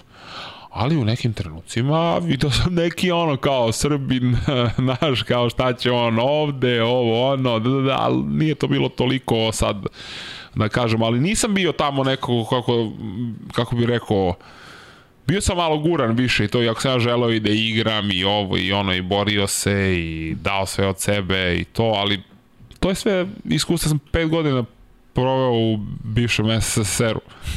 Ali, Baš sam se ohladio, ljudi, bio sam kao ledena kocka. Nije bilo lako. da. Ali e, tebi je ipak, ajde da kažem, prvi put data šansa da pokažeš šta možeš u Valmeriji, tako? Jeste. Ja su otpustili trenera, bili koji je bio trener u, u Žalgirisa, ovog Magackisa. Ajnasa, Letonca. tako? Ejnersa, da. Što, što vodi... Vodio Ukrajinu sad. Da, da. njega otpuste i on ode u, tamo i kaže šta će, ono nije imao centra tamo, zove mene i kaže vidi, pošto ne igraš ni minute ovde, ovako onako ne bi bilo loše dođeš kaže kod mene, ono, barim ćeš da igraš, igra se ta VTB, liga, ovo, ono, ne znam ni ja šta i to i stvarno odem ja i prve godine bude, nije VTB, to je bila, Letonsko... e, bile su tri, Letonija, Estonija i Litvanija. Tako se zvalo nešto. E, da, LKL. Ne, LKL je litvanska bila, BBL se zvala, BBL, Baltic jest. kao Jest. Baltic Basketball League. Da, da. Pošto kao baltičke zemlje. I stvarno ono, budem ja, ovaj, kako se zove, kad, kad sam otišao njega, budem MVP ovaj, te lige i to i kao da se vratim u Žalgiris, ovo ono, i onda sam se vratio kuću, u Zvezdu. Odustao si od Žalgirisa. Kak, ja sam Zvezda, vas Odmah. kuća. Kako je stigao poziv Zvezda? bila je ona frka nešto, pa je bio onaj mogu kažem slobodno prevrat, pa je Slobo Vučićević došao da bude predsednik i je on doveo Pešića, bio sa sa ovaj, kako se zove, generalni menadžer je Opača, bio ne? Opača, jeste. Da. I Opača me je sa Pešićem doveo u... Mislim, ali Opača je bio inicijator. Pešić je rekao u prvom trenutku, pa šta ću ja da radim sa ovim štimcem, znaš? Vidi kakav je ko vreća, znaš, ona tipa. I onda je tu malo, ne mogu kažem, Opača je stvarno tu, ono, malo to, tu celu priču, pa dobro, mlad je, dete je iz Srbije, ono šansa neka stvarno, i onda je to krenulo sve i onda, ljudi, vi niste svesni kakve situacije su bile sa, sa Kari, Kari kako bi do prvi put kaže, jel, je li bre koliko imaš kila? ja kažem pa ajde, kao e, idi na merenje odmah, ajde, rekao, idemo na merenje, odemo mi na merenje. Ja 126 kila. Ovi se vratili doktor Nesu da mu kaže koliko imam kila. je li malo da predstaveš ovo, rekao, Ja bi. kako vi, Kako? kako vi kažete. Koja je to godina? 2012, 12. je li tako? E, Da. ja za mesec dana 14 kila manje. Šta si radi? A, Nisi jeo? dovotio, ma ne, dovotio on a, Borisa Vukomanovića i kao idemo za štimca e, ova Posebno ishrana. Što? posebna ishrana. I ništa, ja ono, bukvalno... Kako ja su sam napisali, ja? Da, ja, znaš šta mi je na- najjače od svega bilo, ja krenuo, ja, ja krenuo u tu, ovaj, e, dijetu i to sve i sad ono stvarno doktor ono tipa ja idem sa tanjerom on mi stavlja na tanjer šta ja da jedem i jedem to završimo mi trening i nosio meni sendvič kao za užinu, kao ja ti pojedi ovo, ovi svi videli kao kakav je, brate, doktore, to Dijeta. dijeta, jede sendvič sad, kao, znaš, ma kao ne znate vi ništa tu, stvarno, oni me smanjivo mi obroke, ali bili su češće. Češći, da, da, da, tako je. Ali trebalo bi i ovog i onog, i stvarno ono za nepunih mesec i po dana, ja 14 kila, da, ja 112 kila, ono ko... Potpuno drugačija priča, ti se osjećaš bolje, brže i sve. A sve ja onda kad sam to video, rekao ne gojim se više, pa ne znam šta da je, ono, da ja volim i onda tako sam jedno, pa znači da ti kažem, dva, dva, tri meseca je bila striktna dijeta i to. I znaš u pioniru, onaj tamo što ima one a, pljeskavice, kako se zove, zaboravio sam. Na ćošku. Ma da, mi ovi ga zezuju kao trovač. Mile trovačka. I tu i ja rekao, ah, rekao, sad ću jednu pljeskavicu da sljuštim i ja posle treninga stalno merim neko 109 kila, ono taman, ono, ne, ne, znaš, imam, nemam preko, ali nemam ispod, sve je okej, okay. isto kari, kad imaš manje, on kao pa nemaš energiju, kad imaš više onda te na, neka preko coach ka, kako je, znaš. I ja, ovaj, kako se zove, kupim pljeskavicu, stavim sve živo unutra i izađem na, na parking i ne znam od, od, odakle pojavljuje se pešić s kolima, znači, Brate, i ja ga vidim, je. ja ga vidim, ja držim ovde uz kolu, ali stavio sam na haubu od automobila i držim u, u rukama i ja a znam, vozio je crnog kompasa, džip nam tada, one Dodge su bili, ne znam šta. Vidim ja njega ide od gore, ja sam ovako. Si ga bacio? Samo sam ovako uradio, znači bukvalno... Jesi bar pojao malo ili je bila prvi Ma, za... a nisam ni, Ni da, ja ga vidim odande ide, znači ja sam opa. E sad ne znam ja, ne sjećam se, u stvari jeste, video je on mene, ništa, on tu prošao je, nema nikakvih problema. Uveče trening, ja znam šta će da bude. Ja koncentrisan maksimalno, jednu grešku nisam napravio i na kraju treninga što trebamo neka bacanja. I stoji on tu sad, naravno, pored, šeta se ovo, ono, i ja čeka promašim, promašaj, i ja. ja promašim bacanje. E, to je zato što E, si jeo bljeskavicu, bljeskavicu si jeo, ovo, Dočekao, ono, da, sad ćeš da vidiš, i vidio, ne da. možeš tako, ja, ono, znaš, zvao me Aleksandre jedno tri meseca, evo, pričao je i Aleksandre, ovoga šepa malog zvao Šerpa, znači, ono, bilo onako... A ne smeš da mu kažeš. A ne, ja, meni već postalo on, meni Aleksandar. Znaš kako ga zove? Aleksandar. I ti znaš ne, da ja se zove. javljam, evo kaže Aleksandar, o ja, ono, i, pa kažem ja, i kažem, čekaj bre, ti nisi Aleksandar? Pa rekao, nisam, pa kaže, ličiš mi Aleksandar, rekao, dobro, rekao, Sad jesi. I E, bila je jedna bizarna priča, evo, Štimac me podsjetio, ovaj, Finac nam je bio trener, ti ga znaš. A kako, ne znam, Fiki, a Fiki diže teretanu jače od svih igrača, ja mislim da, može podigne da jedno... pokaže, da pokaže kako može. A joj, ja to nisam video u životu. Uh, ajde završi ti pa ću ja da ti ispričam da sam ja... I ovaj, Fiki je trener BFC te godine, naše treće godine u ovome i idemo na pripreme. Pripreme 21 dan, ali je plan, plan i program priprema dva dana treninga i jedan dan slobodno. Mislim, slažeš se da to nisu neke realne pripreme. Nikako. Ali samo da se ne naprežem. Znači idemo na, na planinu, ali da ne preterujem. I mi naravno, svaki taj slobodan dan je on baš bio ludački slobodan. I ostanemo jedno veče i so, vratimo se u sobe u 3-4. S tim što Fike ne kontroliše to. On misli da mi svi spavamo, ali uopšte ne postoji teoretska šansa da on posumnja da nismo. I Šele ostao najduže. I sad nije mogao na prepodnevni trening sutradan zato što je ima stomačni virus. Aha. I odemo na ručak i Šele samo se, nema mobilne, ali se ono, mašemo jedan drugom kad Fiki izađe, da ovaj uđe da jede, da pojede nešto u toku dana. I mi kažemo izašao i što kaže Šele, jedna salata, četiri jela, tri nečega, osam ovoga, ide kao i ovako, puf, kad ovaj se vraća i sedne. Šele kaže, eto, kaže, Fiki, vidiš, kaže, boli me sve živo, stomak, ali, a znaš ono kad oči hoće da, da, kad, Da, sam, da. kad sam gladan, i ovako ostavi onaj, on kaže, ma potpuno te razumijem, i ostavi izađe na Ma. Glavno. A da, na, najjače, najjače stvari, najjače stvari na reprezentaciji, to ja nikad neću zaboravim, znači, a, te, te situacije i ko za inat ono kad, e, znaš, ono, des, bi bio si sve, znaš, ono kad zapalimo malo, je, znaš, posle sezone pa dođemo kao, e, nemojte da idete nigde i to bio je i Duda i to sve i ne, naši Duda i Sale. Sa Dudom je bilo kao no nemojte momci naši onda ali sa Dudom je frka bilo ono kad se zapali zato što naš ono da, Duda ima oči na je čovek ono možete provali iskusan naš trener i znao je onda mi na, na, Pa naravno, pa znao je onda mi odemo i to sve ali znaš kako mi dođemo i ono iscepamo trening Oni, Tako je, vratiš, sa, pa vratiš, vratiš, tako tako, je. ćutiš, ono boli, ali idemo, znaš. Odeš malo do WC-a, prstić u usta i, Roke, da. i to, ali ima stvarno ono, svi, svi momci su maksimalno to izneli, ali najjače mi je bilo od svega kad smo bili ne, ne mogu sad tačno da setim da smo pripremali za sve, za olimpijadu ili je bilo evropsko. Išli smo na neke utakmice e, da igramo sa Izraelom u Tel Avivu.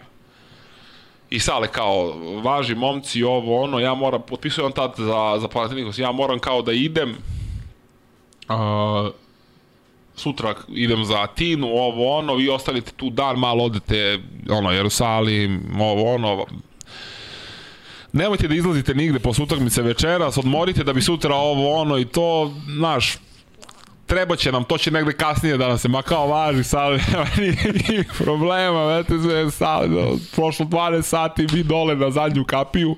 Znaš onaj hotel što preko puta onog eh, distrikta Dijamanata u Izraelu? Ja, jednom sam bio, ne znam. Nema veze, taj hotel ima da kad se spustiš ima zadnji izlaz i ono, tu Možete se da spustiš šmugnete. i tu su mogli da zapalimo, ali čim izađeš ovako moraš desno dole u neki mrak, pa ne znam nija, bilo neke Ali izlačenje. odlično za bežanje. Odlično za bežanje. Odemo mi stvarno izašli ovo ono. Ne znam, sad ja ne, ne, ne znam tačno ko je, neko se vratio u tom trenutku kad je on izlazio da ide na aerodrom. Da li je to bilo tri ili četiri ili ovo ili ono, znam ja i koja, ali neću da kažem. Ovaj, dolazi ovako, znamo celu priču i to, i kako je on došao, stao ispred hotela da izađe sa taksijem, on se okrene ovako i vidi vidi Saleta i kaže tako si go, go, go, vozi kao naš. zzz. Međutim, Sale je video naš, ali nije video od mraka ko je. Ništa, ono, sutradan ćuci, ja, jo, Joca Antonić, e, je li sine? Znaš, kako Ko je, ko je bio? je li, ko je bio, kaže Sale da si ti, ja rekao, ne bre, mislim, št, kako ja, pa kaže, neki glavonja je bio, ima veliku glavu, rekao, dobro, rekao, kako ja, mislim, ono, kao, e, ovo, ono, da, da, da, i tu nastane frka, on se, bog zna šta, naljuti i to, i e, stižemo mi uh, u Ljubljanu da imamo neki turnir i to, i izlazimo svi polako na, na teren, I ja sad prvi onako tako se desilo, evo, on izašao, ono, naš šutiraš se s pola terena, zezaš malo ne počne trening, ne znam ja šta neko radi na sebi, ono, radi trbušnjake, šutira ovo, ono, Bogdan recimo dođe s pola sata ranije, uvek šutira. I vidim ga, ja ulazim na teren i ja krećem za, za njim. I ja kako sam krenuo za, za njim, kako je teren, idem ja za njim, on se odaljava, znaš, on vidi da ga ja jurim Ide. i to, ja rekao, čekaj, vesale, sreće ti rođendan, znaš, i to, pa kao, hvala, što ti kao, kao, Gde ste bili, sad ste, pa dobro, rekao, ajde, šta mi, pa, jeste izašli, pa, je- jesmo, pa rekao sam pa dobro, bili smo ovo, da, da, da, i to onda, e, ono, to je to o čemu ti pričam, znači, ali se mi posle vratimo i stvarno se vrhunski krenuo. Uvršili smo, uvršili smo i izašli, on kaže, e, dobro, idite, radite šta hoćete, ali trening nam je tad i tad. Odemo, vratimo se, trening puca, razumeš? Da, ali tu je ceo smisao da ti posle kad dođeš na taj trening odradiš 100% i tu više niko nema nikakvu primedbu. I to je najvažnije. Samo da ne bude da si iskoristio Tako je. ovo i zloupotrebio. Jeste svi tad bili? Kad izađete, izađete svi. Ma svi, veruj mi, znači ima neka... Ima Šest ne, taksija. Uh, a nije šest taksija, znaš šta, ti nikad ne uzimaš, mislim ja sad zovem mlađe da znaju, šalim se, nikad ne uzimaš taksi ispred uh, hotela, znači uvek kad ideš, Naravno. prvo izađeš, procunjaš ovo ono i to, bilo je tu brdo nekih, uh, ali ono, volili smo svi da, mislim volimo i sad, naravno, hvala Bogu, da, da, da izađemo i to i stvarno je, kako da kažem, neverovatna je ta reprezentacija i tu, tu si ono sa svojima zajedno, sve, ono, sve radite zajedno, i bukvalno ono, idete u WC zajedno, znači, ono, svi, svi na aerodromu idu u WC, ono, znači, ono, ovi se slikaju kao, svi kao stoje zajedno, znači, neverovatna jedna, ono, reprezentacija je stvarno vrhunska. E, mnogo pitanja i skačemo sa teme na temu, ali nema veze. Evo, kada već pričaš o atmosferi, Pitanje za Štimaru, u kom klubu je najbolja atmosfera bila u smislu međuljudskih odnosa između igrača i gde je najviše napredovao igrački? Koji trener mu je najviše pomogao u profi karijeri? To si do duše već rekao, ali što se tiče atmosfere i tog nekog duha, osim reprezentacije, bio neki tim? A ne sam ja imao, u Zvezdi mi je bilo dobro, ali nikad nisam imao uh, tako znaš, ne imaš tu, ok, u, u Zvezdi zato što onda... Zvezda, prva Zvezda ili...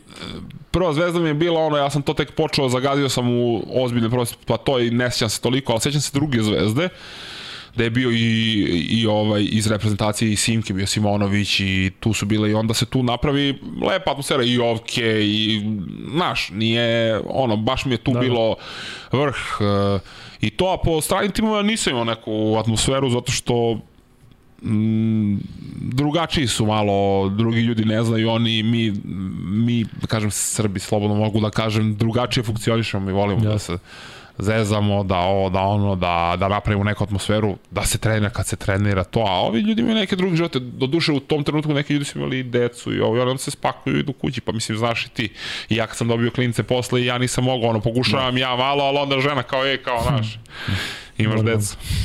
E, često si bio u Turskoj. E, jel ima ne, recimo neka, a priča ide da se vratimo na ovo, govoriš o trenerima e, Đorđević, Pešić, e, Duda, dakle radio si stvarno sa... Radio si sa Željkom. Je, radio si sa Željkom u Fenerbahču, to sam htio da te pitam. Taj no. period e, kada si bio kod njega u Fenerbahču. Pa dobro, to nije bio neki dugačak period, Nekak ali ja sam, tako. ja sam uvijek to rekao, ja sam stvarno zahvalan Željku, jer ono, uh, ja sam jednu odličnu sezonu u, u, u Turk Telekomu i onda u, ne znam zašto, ono, standardno kao neka timovi, nešto, nisam ni našao jedan put sam ostao, nisam nastavio tamo.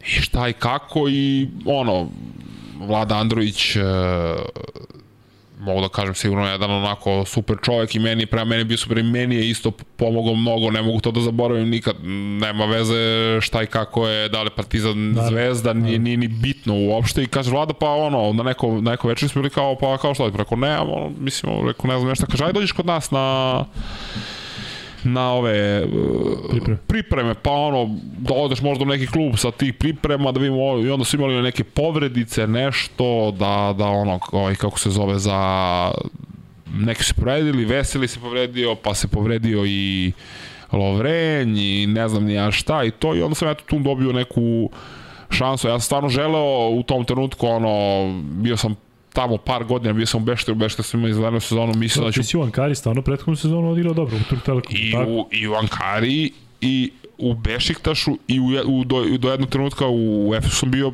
pa mogu slobodno da kažem, jedan onako, da, da. najboljih do, igrača do, do, do promene trenera, da. Do, ne, do dolaska trenera. Da, da. Tako da on, I nisam, bilo mi je stvarno velika želja da budem sa, sa, sa Željkom i eto, bio sam tamo oprobao se, ali onda su počeli da se vraćaju ti o, ovaj, igrači, što je normalno i to ja sam samo potpisao ugovor bio na tri meseca. I opet kažem, ja sam stvarno ona, zahvalan, čovjek mi je pomogao, usmerio me i želja mi se ispunila da ovaj da, da mi on o, bude, bude trener. Šta da si mi dao? Gde ću se? Stavi tamo ispred Vlad. Ne. Da. Prvo, prvo, prvo. A ste ga Tako. napisali kao nogama, znači. Da. Lik. Ja. Tražili su Čirilicu. Da, e, da se vratimo samo na, na dakle, taj period došao u Tursku i ti si posle e, ostao si u Bešiktašu je bila Bešik stvarno dobra sezona, tako? Ima se sjajnu sezonu, došli smo do finala, izgubili u finalu Fenera. I da. to ono Fenera koji je svoju Euroligu.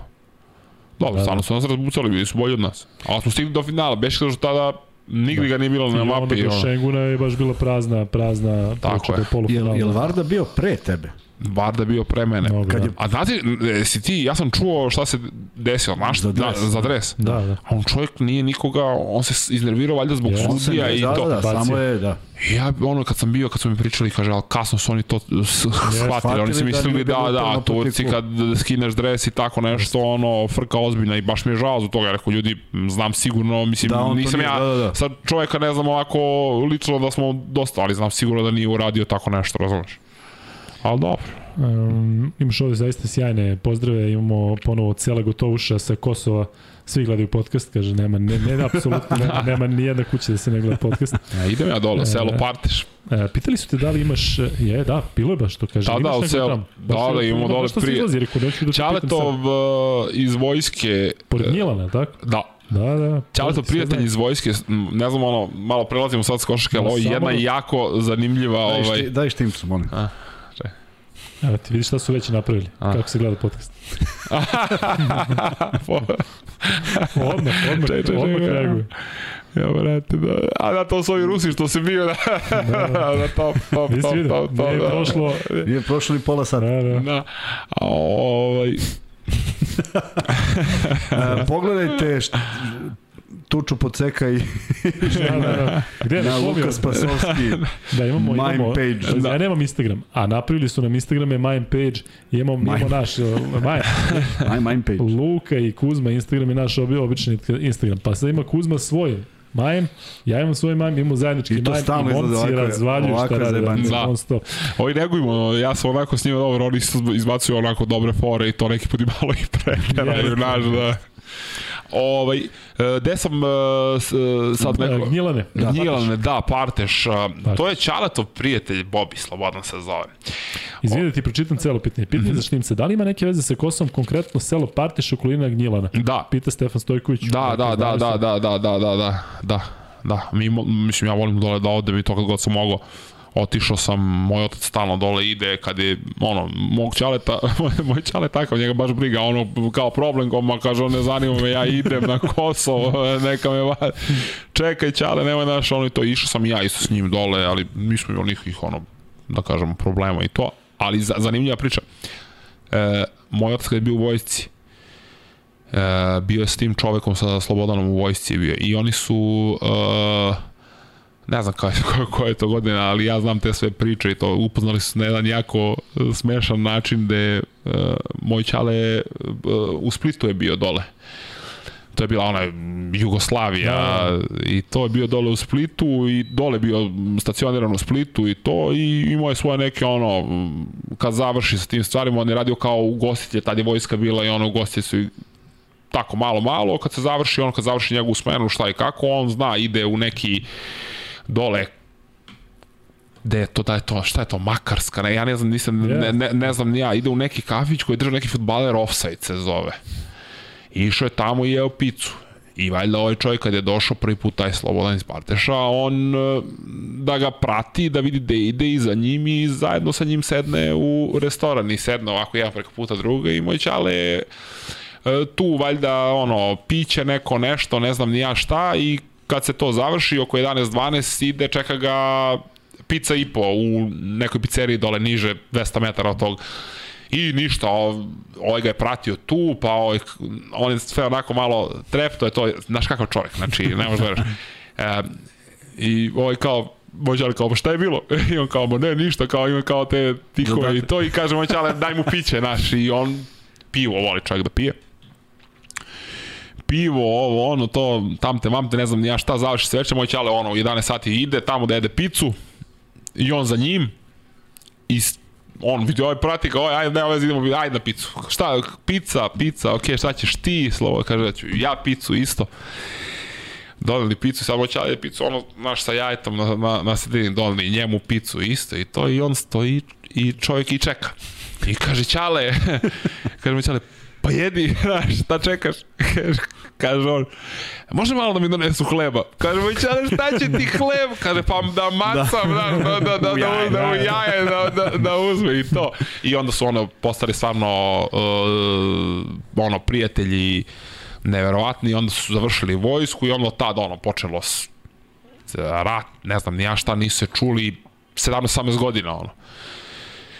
I bila neka, valjda, 24 svadba na, na, na RTS-u. Jeste bila neka emisija, da. 48, tako. Ili 48, 20, ne, nešto, 72 neki- Da, ma da, ne. neka dugačka svadba, da. I, i Ćale moj gleda, ovaj, i svadba neka dole Kosovo, ovo, ono i vidi, vidi njega, kaže, vidi, ne, izvini, njego, uh, od, mog, od mog Ćaleta Burazer. Aha. Gleda i kaže, alo, upali enoga Bobi, svadba, i moj Ćale upali prvi, kao stvarno Bobi, ono svadba.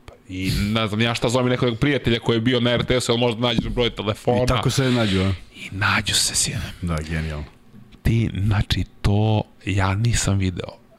Čuju se, plače ovaj, plače ovaj. Znači, ono, e, razgovor i nađu se posle i to, ej, to ne možeš da vidiš. Znači, oni su se, e, bukvalno ono, e, ima- išli su dole na Kosovo, pa dole, do, dolazili su pošli za Beograd i to. Znaš, ono, kao čale, e, de, kao ja i Bobi ćemo zajedno gore, uzmu pivu, piju, piju, pa zajedno, pa gledaju televizor, bukvalno ono spavali zajedno, znaš, ono, stvarno, znaš, koje prijateljstvo, nevjerojatno, mi posle smo koliko bili, godina? Koliko i se nisu? To negde je- oko 18-19 Da, godina, da, nisam, to je- i još sam sve isp- ispričao, ispričao sam u fragmentima, to moj Da, čale, možda ti, sigurno to ima, da. ali ima dosta toga, znači, znaš ti kakvi su to ljudi? Znači, kad god smo otišli dole, a, njegova majka, ja mislim, Baba Dana se zvala. I, on, znaš, oni ljudi na Kosovu znaju da naprave one pite što idu u krug, ona. Da, da. Moj čale, ono, gurno, moli dede. Znači, kad moj čale se pojavi, oni spremaju sve to, znači, sve živo. I onda, kad smo mi dole, no, ma ono, fešta kad smo dole, znači, vode nas vamo, tamo, ja sam tad već igrao košarku, pa i oni dole vole košarku i sve. Kad krenemo kući, znači, brašno, ovo, ono i to, kaže, čale, šta će mi, kaže, si da normalan da... Ne, ne, ne, ne, ne, znaš kakvi ljudi, znaš kakvi domaćini dole uh, uh, na Kosovu, meni ono kad odem, kao osjećaš se kao beg, bukvalno. Evo, pozdravljaju te, da, kažu da ti znaš da je, pozdrav iz Donje Budrige. Da znaš da je? Jeste, pa kako ne znam, to je sve, to su sve okolne te, tu su, Eto, vidiš, kad ti svude gledaju. idemo pa mi, dole smo onako, mogu kažem, nisam poslednjih godina, pošto imao mnogo obaveza, ali moj, moj čale je baš redovan. Ne možemo da naravno isčitamo sve zato što je mnogo i pozdrave i pitanja, ali evo idemo sad na sever. Pazi ovaj, ne znam da li je to ono momak koji je već slao. Štimar Kraljino, pozdrav za, eki- od ekipe iz Jesheima, Norveška. Gledamo i uživamo uz legendu Žena i ja. PS žena zavolila košaku uz vaš podcast, pa koristim priliku. Nice. To? A nije, nije. Nije, a? Dakle, žene, e, supruge gledaju Pa ne znam, i... o, kako, o, o, momak se zove Trailović, Stefan, A ja ovde mislim piše ovaj. Nord, tako da Ne, mislim samo da nije. A samo možda je, i jeste, ovaj, ko zna.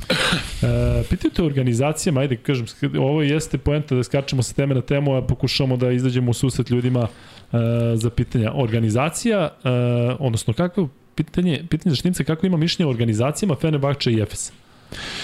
Pa, Drugačije? Jeste, drugačije je dosta stvarno. Uh, ajde prvo da pričamo o Efesu. Uh, taj gospodin uh, Tunđaj koji je potrošio po proračunima negde oko 600, 700, 800 miliona. Ne, ne znam koliko je potrošio tokom ovih godina, jer on stvarno voli košku. Efes je za njega beba, njega ne zanima. Znači on čovjek voli Efes, on toliko troši, on toliko, i meni je drago zbog njega, zbog njegovih uspeha i svega, jer stvarno čovjek voli klub i ne žali. Znači, Efes je neverovatna organizacija. I dobro funkcionišu i sve, dakle, iako nemaju, recimo, jedno, jedno vreme je bio problem to navijači, nije bilo navijači. Pa Nema to veze, pa su onda se pojavili ljudi, a, znaš kako, za- e, Efes nema navijača, za Efes navijaju svi. I da. Galatasarovi navijači, i Beše, dođu da, da gledaju. navijači E, onda je organizovani, počeo da. da, ali ima jedna grupa navijača koji stalno tu dolaze, da. Da. da kažemo, stvarno Efesovi navijači. Da. A Fener? E, Fener je ludilo. Fener je isto stvarno ono vrhunsko, a baza na, navijača, to je neverovatno. I naravno, dobro dok se peđe, kad može se gubi, nema, nema odmah gde si bio sinoć, ovo, ono, da, del si, da li si bio, da li da ono prate sve živo i to, tako da, kako kažem, u tom trenutku, ono, Željko je, ono, sve tamo. Da. E, dva pitanja povezana opet, e, jedan deo smo obradili dok je bio Jovke ovde kod nas, Jovke je pričao i pričao o tome, ali pitate jedno šaljevo, šta si naručivo Jokar iz Meka u Riju?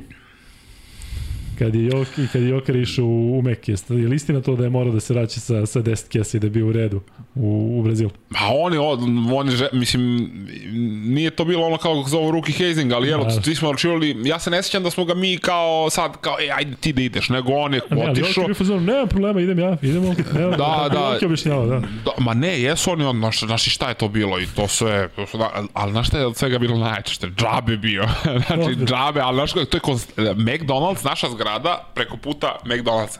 Ispred McDonald'sa, konstantni redovi.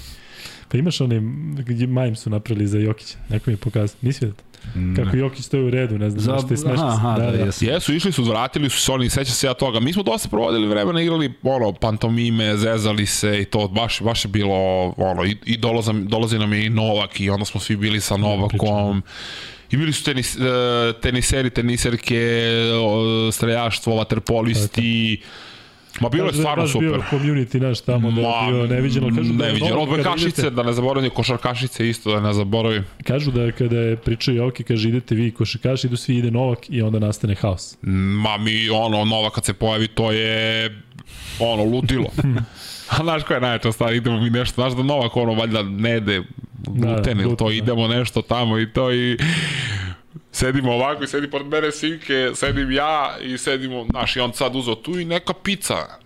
I mi sad kao, znaš, kao, eće da pojede pizzu, hoće neko da ga upozori i to, ono, međutim, sutra malo bila je ono be, be- bez glutena pizza, neka, ona, da, da, bez glutenska, ono, i to, tako da su se malo smejali, ali Novak, znači, kakav čovjek u, u ono, da, da totalno se ono opustiš, znaš, ne, nema tu neki onaj kao superstar, ne, ne, ne, Novak onako prirodno, baš onako dobra priča, zezanje i to. Ja, sam, ja, ja ne, ne znam da li je to istina, ali koliko sam razumeo da je on odustao od kuće u Riju da bi bio Jeste, jeste, vamo da, u, da bi bio u, u selu. u Jeste. selu. Da mu je nuđeno da bude izdvojen. Da, da, da. Da.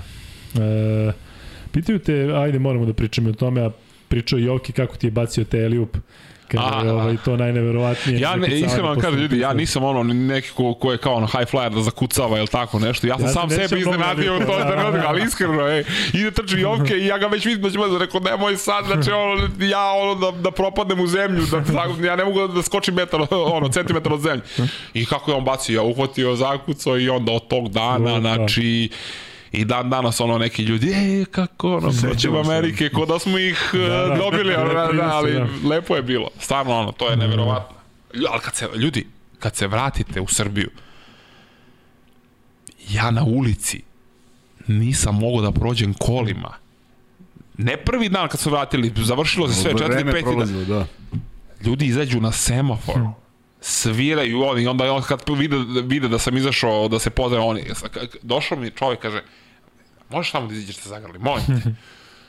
Ja, izađe šta će čovjek i on i, on, i kaže, ma, naši, meni srce puno, pa onda e, doš, došli mi neki prijatelji iz Turske i idemo, malo ja pokazujem tu Beograd, Kalemegdan, idemo vamo tamo i e, u, u ovaj, e, gospodar Jevremovoj, Koza Inat ide uh, cela ono, mogu kažem, cela traka, ono, JSO ili žandarmerija i ne znam, i oni staju i izlaze svi napolje i da se pozivaju Turci, ovi kao šta je bilo, šta smo uradili, znaš, ja rekao, ne, ja, brate, da se slikamo, ovo, ono, i to, to mi je bilo najlepše. Ja, mislim, ja to volim, ono, naši ljudi, sa svakim bi da, i da izađem i da popričam.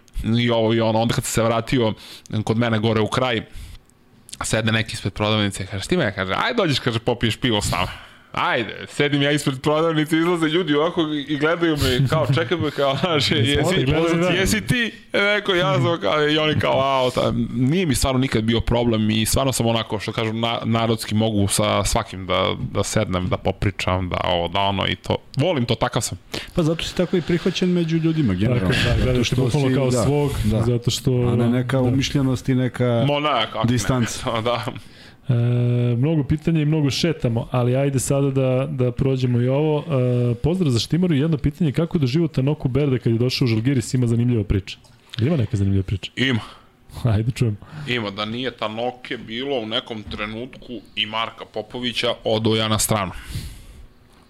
A, ta Noka mi je pomogao dosta što se tiče ishrane i svega i ono, ti dolaziš kod mene svaki dan I ja ću da ono, on pravi ono stvarno hranu i to sve, da ne jedeš ovo, da ne jedeš ono, sa njim tegove, ne znam ni ja šta i ono, čovek bukvalno kao kao da sam mu najrođeniji, stalno sam bio s njim, moji kad su dolazili mi pravi nešto ručka, on dođe, zagrali moju majku, mog oca, Ili ima danas neko kontakta? Postoji preko Imam, ko, imam, imam, ali on sad u Americi je dosta, ima tamo, on je iz uh, Ogdena, Juta.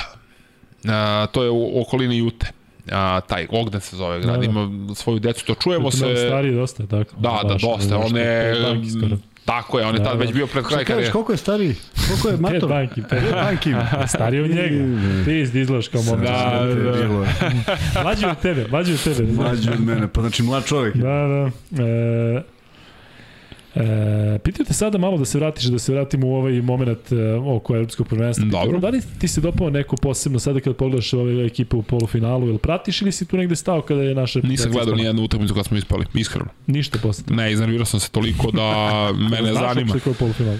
Ne, video sam ono, zato što moram da vidim, jel čačkam ovaj Da, da, telefon, pa sam video da su Poljaci dobili Slovence, da igraju vamo, ovaj, kako zove, Francuzi i, i ovi, uh, kako se zovu, Francuzi igraju I protiv Poljaka, Španci protiv protiv, Poljaka, Nemaca. a Španci protiv Nemaca. Da.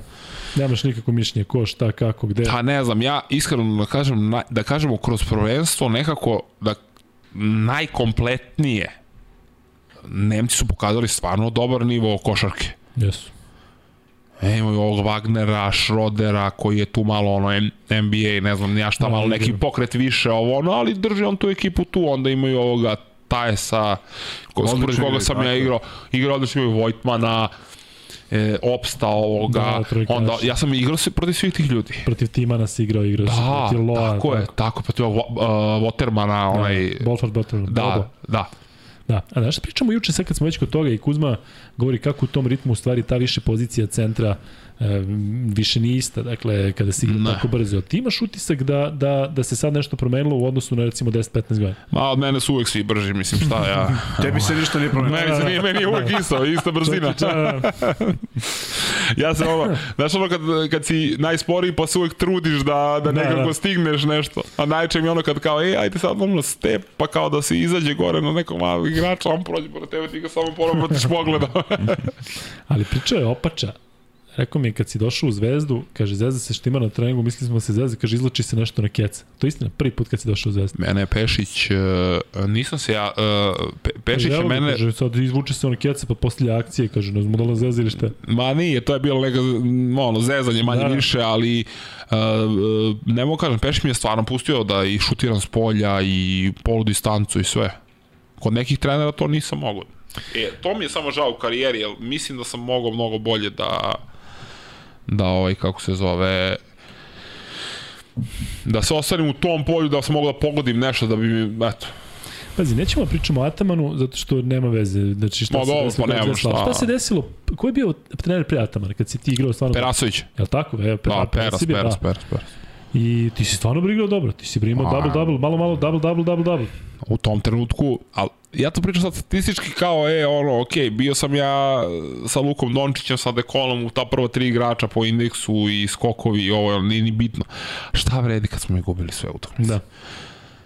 I sad isto Da, koliko ja ne volim kako je on mene sklonio i sve to, ja njemu mogu samo, ja sam realan čovjek, ja mogu samo da čestitam, on je osvojio dve Evrolige, Jeste, znači radio je pravu stvar, sklonio me, on je osvojio dve Evrolige, znači on je čovjek u pravu, ja nisam. Ali bilo je nešto, stvarno je bilo 2-8, bilo je neki, neki skor je bio baš loš, tako?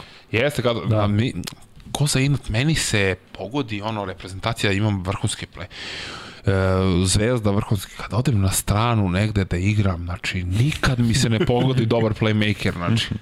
Pa ko je bio Efes Bili, bio Josh Adams koji je došao tek Josh onako... Adams je bio play. Ovaj bre što je divljao sad kad sam ga prenosio u Australiju, onaj E, ludak e, iz Tasmanije. e, e, taj, taj. što si rekao ovaj, da li je moguće ovo kad smo se dopisali? On je igrao. On, mi je bio da. play i bio mi je play uh, Erik McCollum koji nije play nego Da. je skorer. Da, da, da, on gleda samo koš. Znaš ko je da. tu stvarno dobar igrač koji može da razigra ekipu i to sve i da pogodi sve živo? Kruno Simon. Kako ne, mi, Simona, mi pričamo o Simonu konstantno kao nekome ko spaja sve timove i da li bi FS bio ovakav da nije njega, a pritom hrvatska reprezentacija bi možda bila još štimonovanija da nije njega, ali nebitno. Ovde naši često ne, zaista nema nikakvih prozivki ili bilo čega, ali ja ne znam šta je ovo, pa mi ti objasni. Kako si počeo sa NFT-om, šta god je to? A NFT je priča koja, ja imam svoj taj neki projekat koji razvijam i to i trebalo je, trebalo je taj NFT da krene u prodaju i to sve. Znači, to je manje više platforma da bi moglo da se za, za kripto novac kupuje sve od igle do lokomotive, da, da skratim ljudima da ne bi sad uh, pričao. I, uh, moj projekt... čemu se radi? Pa moj projekat se zove Merkur. Znači, to će da bude manje više platforma na kojem će moći da se kupuje sve od igle do lokomotive, ali kriptom. Ali, primjer radi, ti sad hoćeš da prodaš uh, taj laptop Znači ti ga oglasiš, staviš cenu, dogovoriš se sve, da, da neko kuz moće da ga kupi, on tebi plati, ti to spakuješ, pošalješ mu. Mi smo tu srednji ljudi koji sve to da prođe bez problema iskontroliš. Posrednik, je li tako? Posrednik, ti manje da, više koristiš imaš... platformu koju sam ja napravio. Tako je, kao što je kupujem, prodajem. Dakle, isto Bukvalno samo tako, da, da samo bude neki... totalno drugačiji. Da. E, I onda smo mi trebali da krenemo sa tim NFT karticama, kao uh, da imaš uh, postotak u firmi, kao da si akcije kupovao. I uh, nismo se odlučili na to, povukli smo to celo, jer uh, u trenutku kad je, kad je bull market, znači da je dobar market, uh, a kad je ovaj uh,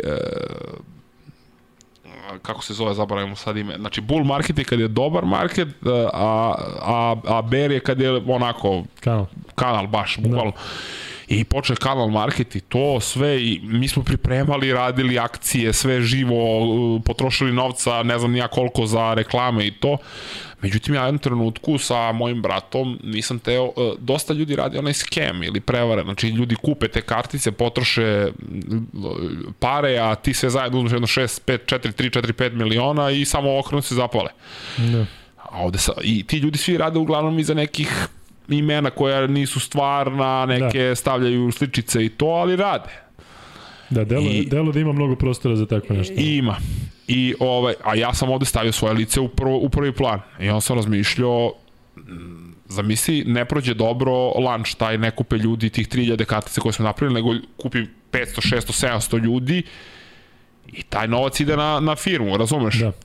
Ali onda mi trebamo dalje da razvijamo to sad a šta će meni ljudi da meni da plate da mi ne prodamo to sve u ovome, u ovome bear marketu, u katastrofa, ja ljudima nekima da uzmem pare, ne, ne, ne, mi smo to prekinuli odmah, ali ja nisam... To je, je aktualno i dalje, nije? Jeste aktualno, ali smo sad prešli na...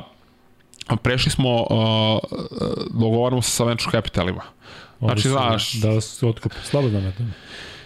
Venture capital je kao da se skupimo ti, ja i Kuzma i stavimo ogroman novac i onda mi kupujemo firme koje mislimo da će kasnije da naprave mnogo para. Kapital, Eto, najjednostavnije moguće. Da, da. E, mi smo sad počeli da pregovaramo sa tim uh, venture capitalima da vidimo ko će da bude zainteresovan i njima ćemo dati taj government token kad uh, kasnije krene da, da radi, ali ako da Bog pređe da bude nešto, neće to da bude Amazon, ali nešto tako blizu toga, da bude na marketu, e onda oni prodaju taj government token i uzmu sebi i više da, od toga da, da. što su dali. Yes. E, taka je sad, pri, e, možemo o tome da pričamo jedno 5 sati, ali da, da ne, ne prelazimo na to sad. Si zapamtio Kuzma ovaj deo oko da, kripta? Da, jesam sve. Da. znači kad je bull, uzimam. Bul, kad je ber... Čekam da bude ber. Ne, ne, ne, be, kad je ber uzimaš, a kad je bul prodaješ.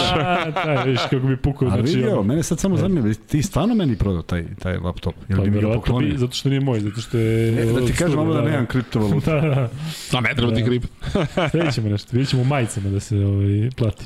Pitaju te, zašto si prestao da šutiraš trojke posle prvog mandata u Zvezdi. Ali ima to veze sa nečim? Pa ima, kažem, treneri su, ono, ja dignem koju pogodim, ja ono, i onda kao treneri, ne, ne, to, to nije tvoj posao, kao imamo previše igrača koji nam to rade, ti samo dole, ok, ja ništa radim. Mislim, ja sam inače takav bio kad mi kažeš trener. Čekaj, ali negde je bilo? Da li je bilo u Bešiktašu negde? U Bešiktašu nisam smeo da šutnu loptu.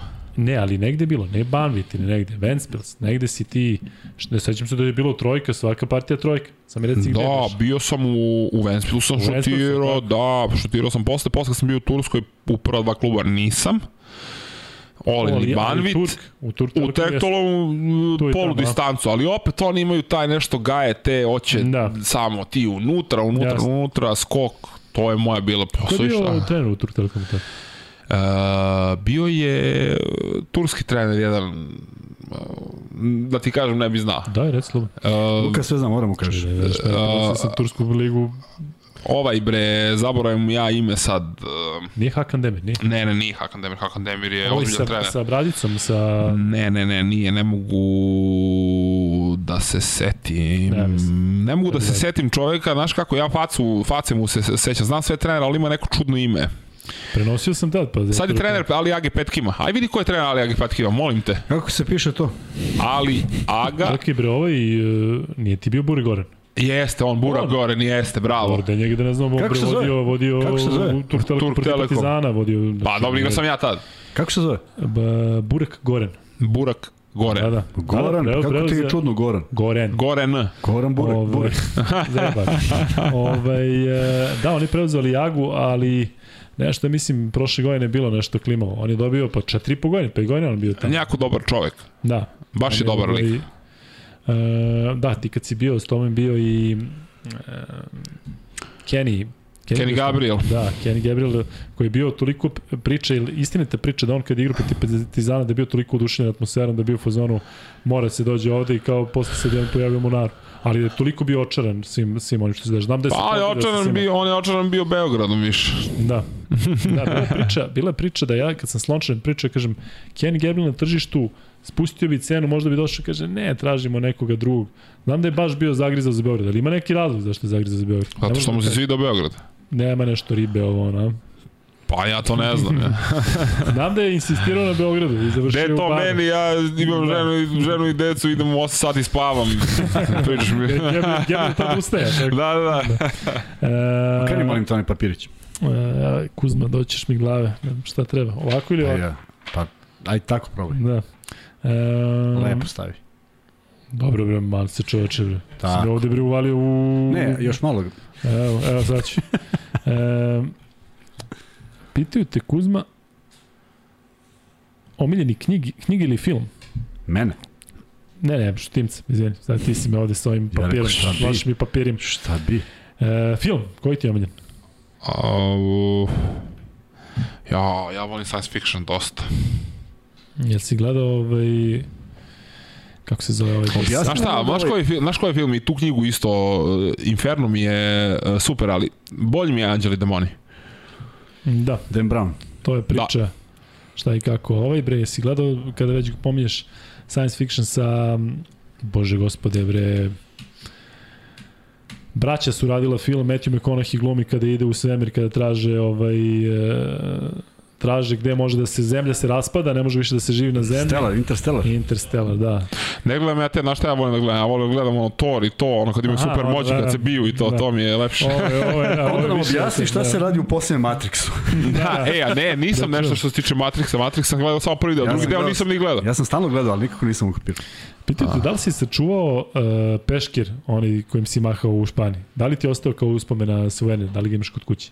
Ne. Ne, pa normalno. Šta će mi peške? peške da. Ima medalju. da, da. E, dobro. Da, sada pitaju ovde neke stvari koje su aktualne političke, koje nemojte ljudi pričati to, mislim, čemu pričamo, mislim... Da. ja, ljudi, e, a ja operisan sam, znači ništa... Ma ne, ja... nego pitaju sad za neka dešavanja, ajde da, da ne krevi... Mogu da prekinem, mogu da prekinem dok ti nađeš neko dobro pitanje. Ima ih ovde, ajde priči. Uh, mi smo pomogli jednu akciju koja se zove Nešto pametno i oni su pokušali da te kontaktiraju, kažu da nisi video poruku na Instagramu, ali Dobro. u svakom slučaju pitaju da li bi bio zainteresan, pošto uvek prave aukcije dresova, Da li imaš neki dres koji bi dao na aukciju? Ljudi, koji više? Znači, e, ni, i, Nema ja se izvinjam, prvo ovako, da se izvinim ljudima, znači, meni dnevno u request stigne brdo poruka, ja onda ni, ni ne otvaram više. Da, ne sumnjam. E, druga stvar, e, Podelio sve dresove? Podelio sam sve, jedino da, da, da zovem uh, Aničića i ocu iz reprezentacije i da mu naručim još jedno 20 dresova, pa da onda rokamo. Da, da, da, nije nikakav problem, ja to i hoću, meni nije... Ovo je za humanitarnu, humanitarnu Pa zato i kažem, pa ako neko da. to želi da, da. radi i, i, i, i stvarno je voljan, to sam ja kad dođe tako, ovaj, kako se zove, neki... A je ponestalo dresova? Sve sam dao. Da, verujem. No, da su mi uzeli i, i trenerke i sve živo. Mislim, dao sam dao. Ko nosi to? Mora neki... znači, treba da vidiš mog strica. Jel ono? Moj stric nosi stvari moje, znači, koje sam u Žalgirisu nosio, ono, vidim, ona, tuta se zove ona marka. neka jakna, ono, velika jakna, dobro, Ima- dakle, ima 15 godina, jakna, tako je. E, ajde kad pominješ Xing Dao, ajde sad taj poslednji, odnosno period. Poslednji Ja- ja- ja- udarac. Da, u Kini. Uz Majo mi smo Les- pričali Les dance, ali- les dance. da. E, Qing Dao e, i onda e, Ningbo. Ningbo. Da. Ningbo. Kako si ko kinez, Ningbo? Ningbo, ne, prenosim njih. Znaš ti kada, pa mi onda, pa mi onda, e, Mo, to mora bili- da ti je teško. kada smo ja i ti bili sada sa Kinezom da. na Da. sastanku i kad si ti njemu rekao Cheng Dong, on nema pojma, pa kao on rekao Chengdu, nešto- Chengdu se pa, kaže. Chengdu? A ti nemaš pojma o Ja čemu ga, priča. šta ću Zato što Da. uh, ima određeni uh, visina glasa kako Da, treba da se da, da, kaže da, da, bi da, se da. da bi se ali Do toga možeš da kažeš da. nešto Da, drugo. Da. Ima priča, ima priča u Londonu, da, ne znam, eh, 2000, morala bude 2012. I sad uh, Shuai Zhang dolazi po nju Da, molim. vozač, dolazi po nju vozač i kaže Zhang. Sad nema niko ništa, I on pa odlazi. da. A jedno prezime Zhang. Znaš, Da, da. Ovo što Pa on kaže da će da rekli- sakriju. Pa si kad smo rekli kinezu za Yao Minga. Da, da, on je, ja. Nije kao- pogledao, Da. jer nije zvučalo kao Da, da. kako oni izgovaraju. Jeste. E, jel imaš neko pitanje tu sa Instagrama? Pitaju ljudi ovaj... Pitaju ovde sve i svašta, ali ti znaš da ubaciš nešto i sa Instagrama da ne bude da... Imam od Dejana Andrića koji uvek nam piše Čekaj. i naravno uvek se oduševi kad vidi ko su gosti, pa i danas. A, pitanje za Štimca ima dva pitanja. Koji ti igrač bio najteži za čuvanje i kako ti je bilo u saradnji sa Dejanom Radinićem? Deki Radonjić je ozbiljan trener. E, sa ozbiljnom e, i taktikom i to, ali njega šta uvek krasi i šta je radio i kako je pravio uspehe je znači bukvalno armirana odbrana. Odbrana mu je ono ok, daće tu neki koševi to, ali videli ste da je Zvezda igrala na 65 poena, 60 Da. poena, pa znaš i sam kako je teško dati u ovoj danskoj, današnjoj evropskoj košarci poene. U NBA je malo veći teren, šire nema 3 sekunde, ovo ono, tako da Dek, Deki Radonjić je vrhunski stručnjak. Jel ti odgovaralo taj, jel ti više odgovara taj defanzivni, defanzivni način igranja košarke? Pa iskreno ti kažem, ja volim da ga dam. Mislim, volim da ga dam, volim da ga dam i to, ali odgovaram, jer ja jurcam da uhvatim svaku loptu koja se odbije. Da. I, i, u, nad, i u napadu i odbrani. Ali ono, namesti on to sve. Da. Znaš kako bude odbrano, nema, nema čovjek da prođe. da A neki od da. igrača koji ti ostao u sećanju? Za najteži za čuvanje. Po tih Amerikanaca, da i Jok je pričao recimo o tom finalu u Španiji, tipa Kairi, pa ta bekovska linija Kairi, Steph, Harden, kažeš, lete, ne možeš, ne možeš mu ništa, što toliko brzo. Znaš kako. Sad ću ja ti kažem ja nešto. Sve je to lepo, Ima neko ali, ja? a sve je to lepo, ali Krle, Krstić, ljudi vi niste svesni, ima dva pokreta. Dva driblinka, sredina reketa, poluhorok, on je veliki, ako mu zatvori sredinu, on se okrene i onaj njegov fadeaway šut koji nije fadeaway, nego se okrene šutne. I znaš sve i opet ne zaustavlja. Nema šanse. Da. Nema šanse. Eto, to mi je ono, baš ono, da, znaš kad te neko onako, iskreno, razvalite na treningu, ono, znaš, da ne, ne možeš da ga odbraniš. E, I setit ću se sigurno još nekoga, ima tu još sigurno kvalitetnih igrača, igrao sam protiv brdo, brdo, brdo kvalitetnih igrača. Znaš ko, ko, ali kad god smo igrali protiv njih, on nikako ne, nije bio u tom uh, skorerskom, jer uh, nije ga toliko zanimala Turska liga, liga, ali ja sam želeo da on odigra u- ono najjače moguće da vidim desa. Ekpe Udo uopšte nije naivan. Dakle, Judo u, u Kini, on najvan, da. sve zatvorio pre 3-4 godine kad igra u Kini. Dakle, on je u finalu nije mogao niko ništa da radi. U piku, bilo gde, da u duše on se sad ispovređivao. On se ali istina ispovređivao. Da je fizički toliko dominantan da u reketu kada se raši. Nije on uh, fizički dominantan sad u smislu da ti to vidiš, on, on je onako lepo je građen, Da. da. mišić ovo, nego je uh, br brz je, možda da stigne Kaže da, svugde. je, kaže da je pametan, da je vrlo I- inteligentan. I da ne samo što je inteligentan, on, on uh, slabo igrača to može. Znači, izvuče ga igrač, uh, pošto Željko je preuzimo sa njim sve, izvuče ga igrač na 6.25, pa kao da igra, pa ono naš dribling, pa te malo cimne, pa leo, pa desno, pa step back, pa šut, i on tu stigne i blokira. Teško je to da, da, da, Da. petica to uradi. I ima polu distancu dobru i to ono skače, visok, možda zakuca m, Eli upovi neki oni veseli i to. I veseli isto, e, koliko god veseli ono, on je jako težak za čuvanje, znaš, mnogo je brz, Ma, ne, skače, da, da, E, pick and roll, gde god da mu baciš on je uhvati i zakuca. Da, da. A možda se provuče vižljast je mršav, Tako je, taman. tako je, tako je. Viš kaže Štimar 6.25, ti se sećaš 6.25, a? Kaže kad izvuče, pa kaže kad izvuče Ekpe Juda na 6.25, 6.25, da. da. Boga, Da. da. ima godina da je, da je ima priličnu godinu, da Merili više nije. Da, uh, pitajte u koju si osnovnu školu išao na Karbon? Uh, sad, uh, Archibald Rad, Stevan Stjepo Filipović. To je ta škola, bre.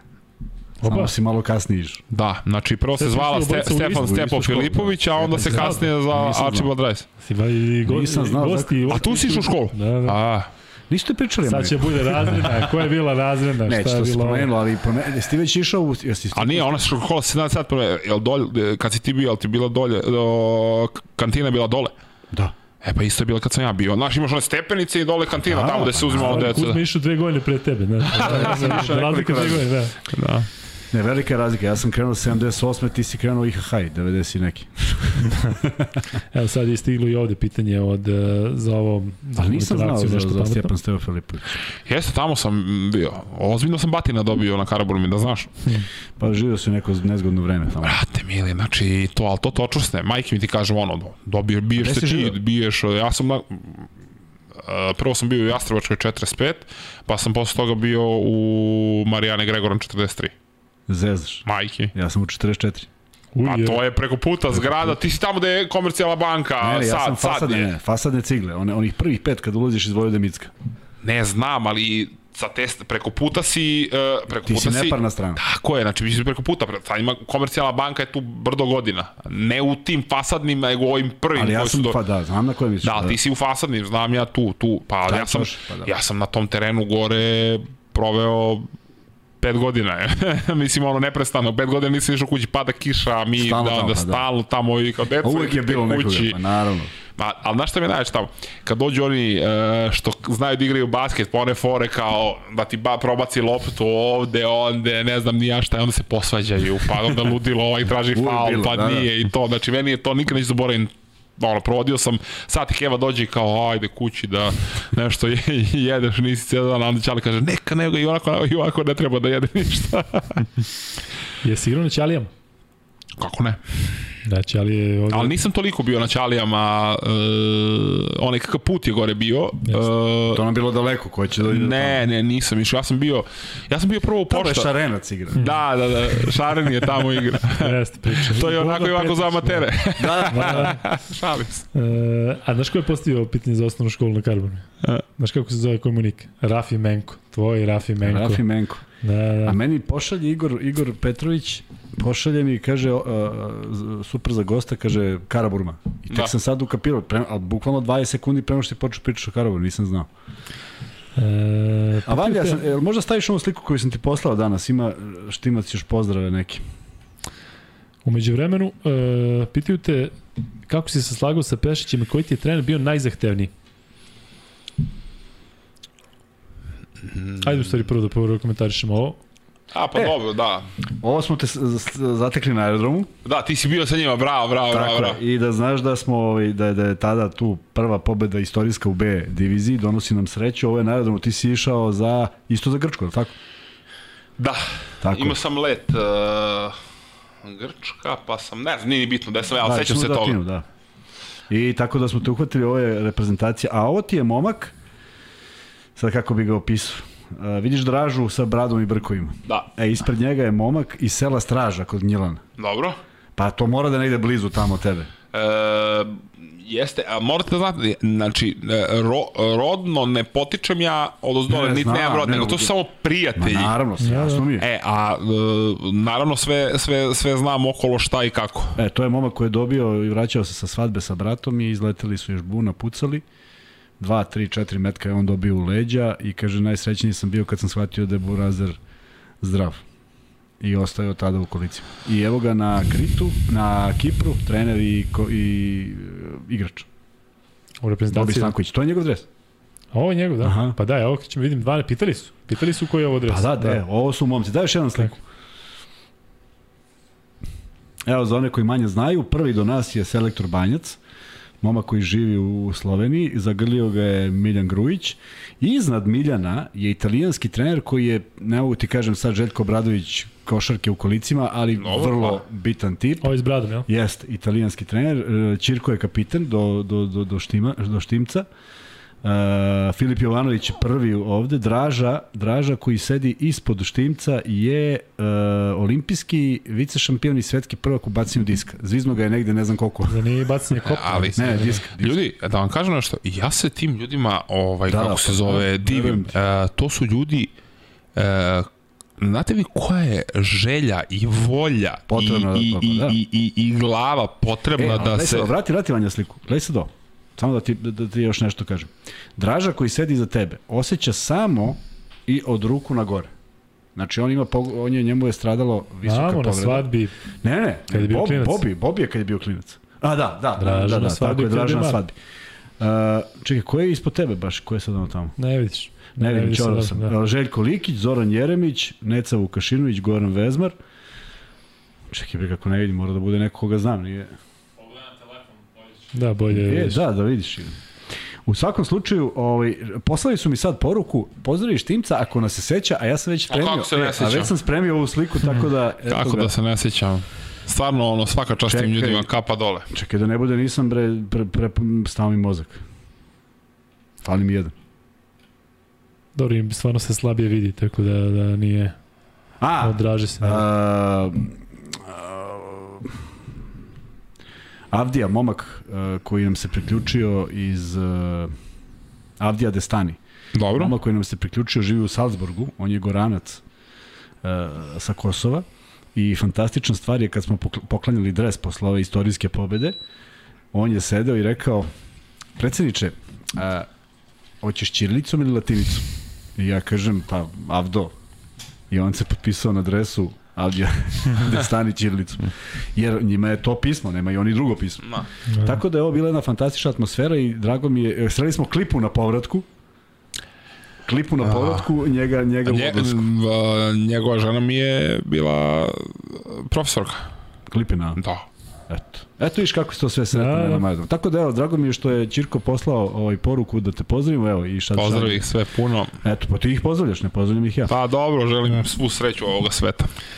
Štimera, da se vratimo na to koji je trener bio najzahtevniji. Bo, pričao si, u istom pitanju je pričao si o svom odnosu sa Pešićem toliko, ali ajde, da li možda izvoliš nekog trenera? Pa meni je, uh, iako nisam mnogo vremena uh, proveo sa njim, naravno Duda i Pešić su uh, ovaj, jako zahtevni, ali Željko je isto zahtevan, jer Željko ima od svakog napada pa 60 dodatnih napada. I onda ono stvarno mora da budeš maksimalno skoncentrisan i sve da, da, da bi prošao i to i on čovek ako on može to sve da zna, moraš i ti kao igrač. Znači to je ono, tri gore, tri dole, tri levo, tri pod 45, tri pod ovo, tri pod ono, znači ne, ne znaš šta da ćeš da, neće, ne znaš šta će da igra, pa da. E, puno komentara, ali evo jedan lep pauz. Znao sam da je Štimac gotivan lik, ali tek posle ovog podcasta sam postao svestan koliko je ovaj čovjek vredeo repki, ne samo svojom igrom, nego svojim ponašanjem, dobrotom i pozitivnom energijom. E, takvi komentari ima jako puno gde te ljudi Drago mi hvale je. i kažem, i to ne možeš da veruješ sa kojih delova sveta, zato što ovde ima, kažem ti, uvek imamo preko hiljadu ljudi u, u live-u i onda se svi javljaju odakle su, kako pozdravljaju, tako, ali ne možemo da stignemo da, A dobro, Da veliki pozdrav za, za sve njih uglavnom. da. E, A- Aleksandar, moj prezimenjak ima dva pitanja ako mogu Ajde. da ubacim sa, sa Instagrama. Da li imaš neki sport kojim se još baviš? Da li igraš nešto? Pa, uh, ja volim da... Kao hobi. Uh, ho, hobi, da, imam. Uh, brat i ja volimo da idemo da vozimo karting. To nam je ono... A kako staneš? Može, a? Pa može, može, imaju dobre, dobre kartinge i to, volimo to. Ajde, dole na Adi Huj, je li tako? Uh, jeste, dole smo Da. na Adihuji sam stalno, mislim ono kad uvatim vremena volim da odem da vozim i to drži isto uh, prijatelj ovaj, jedan naš i, i, i sad uh, volim da odem isto uh, neke šetnje, onda one bagije volim da vozim po, po planini i to, to mi je baš onako ceo dan e, ne razmišljam i šta mi se desilo, nisam to, je- jedan put sam imao, bio sam kući, ne znam kako se to desilo, ali eto, za, za zimu i otišli smo žena i ja na uh, Koponik. i prošao sam onu školu skijanja i to sve, i skijanje mi je isto, ono, neverovatno. Da, ja sam kažu kad 5-6 staneš na skijanje. sati mi je prošlo, ljudi, nisam osetio, a bilo mi je stvarno prelepo i polako sam onaj instruktor, stvarno bio ovaj, kako se zove, ekstra, tako da je to nešto, ali volim ove gadžete i to, ima neke dronove, ovo, ono, volim to, e, isto sam i tebi rekao, Kuzmo, ono, bavim, ba, bavim se ovim, uh, skupljanjem tih, e, ne skupljanjem, nego Konzumiranje konzum, cigara. ko, ne, ba nije to konzumiranje, ajde da kažemo. Tako se e, izrazi slobodno. Ma dobro, da, ali eto, ako je to konzumiranje, ne- neke onda konzumiranje, ne, uživanje tih tompusa i to, Da.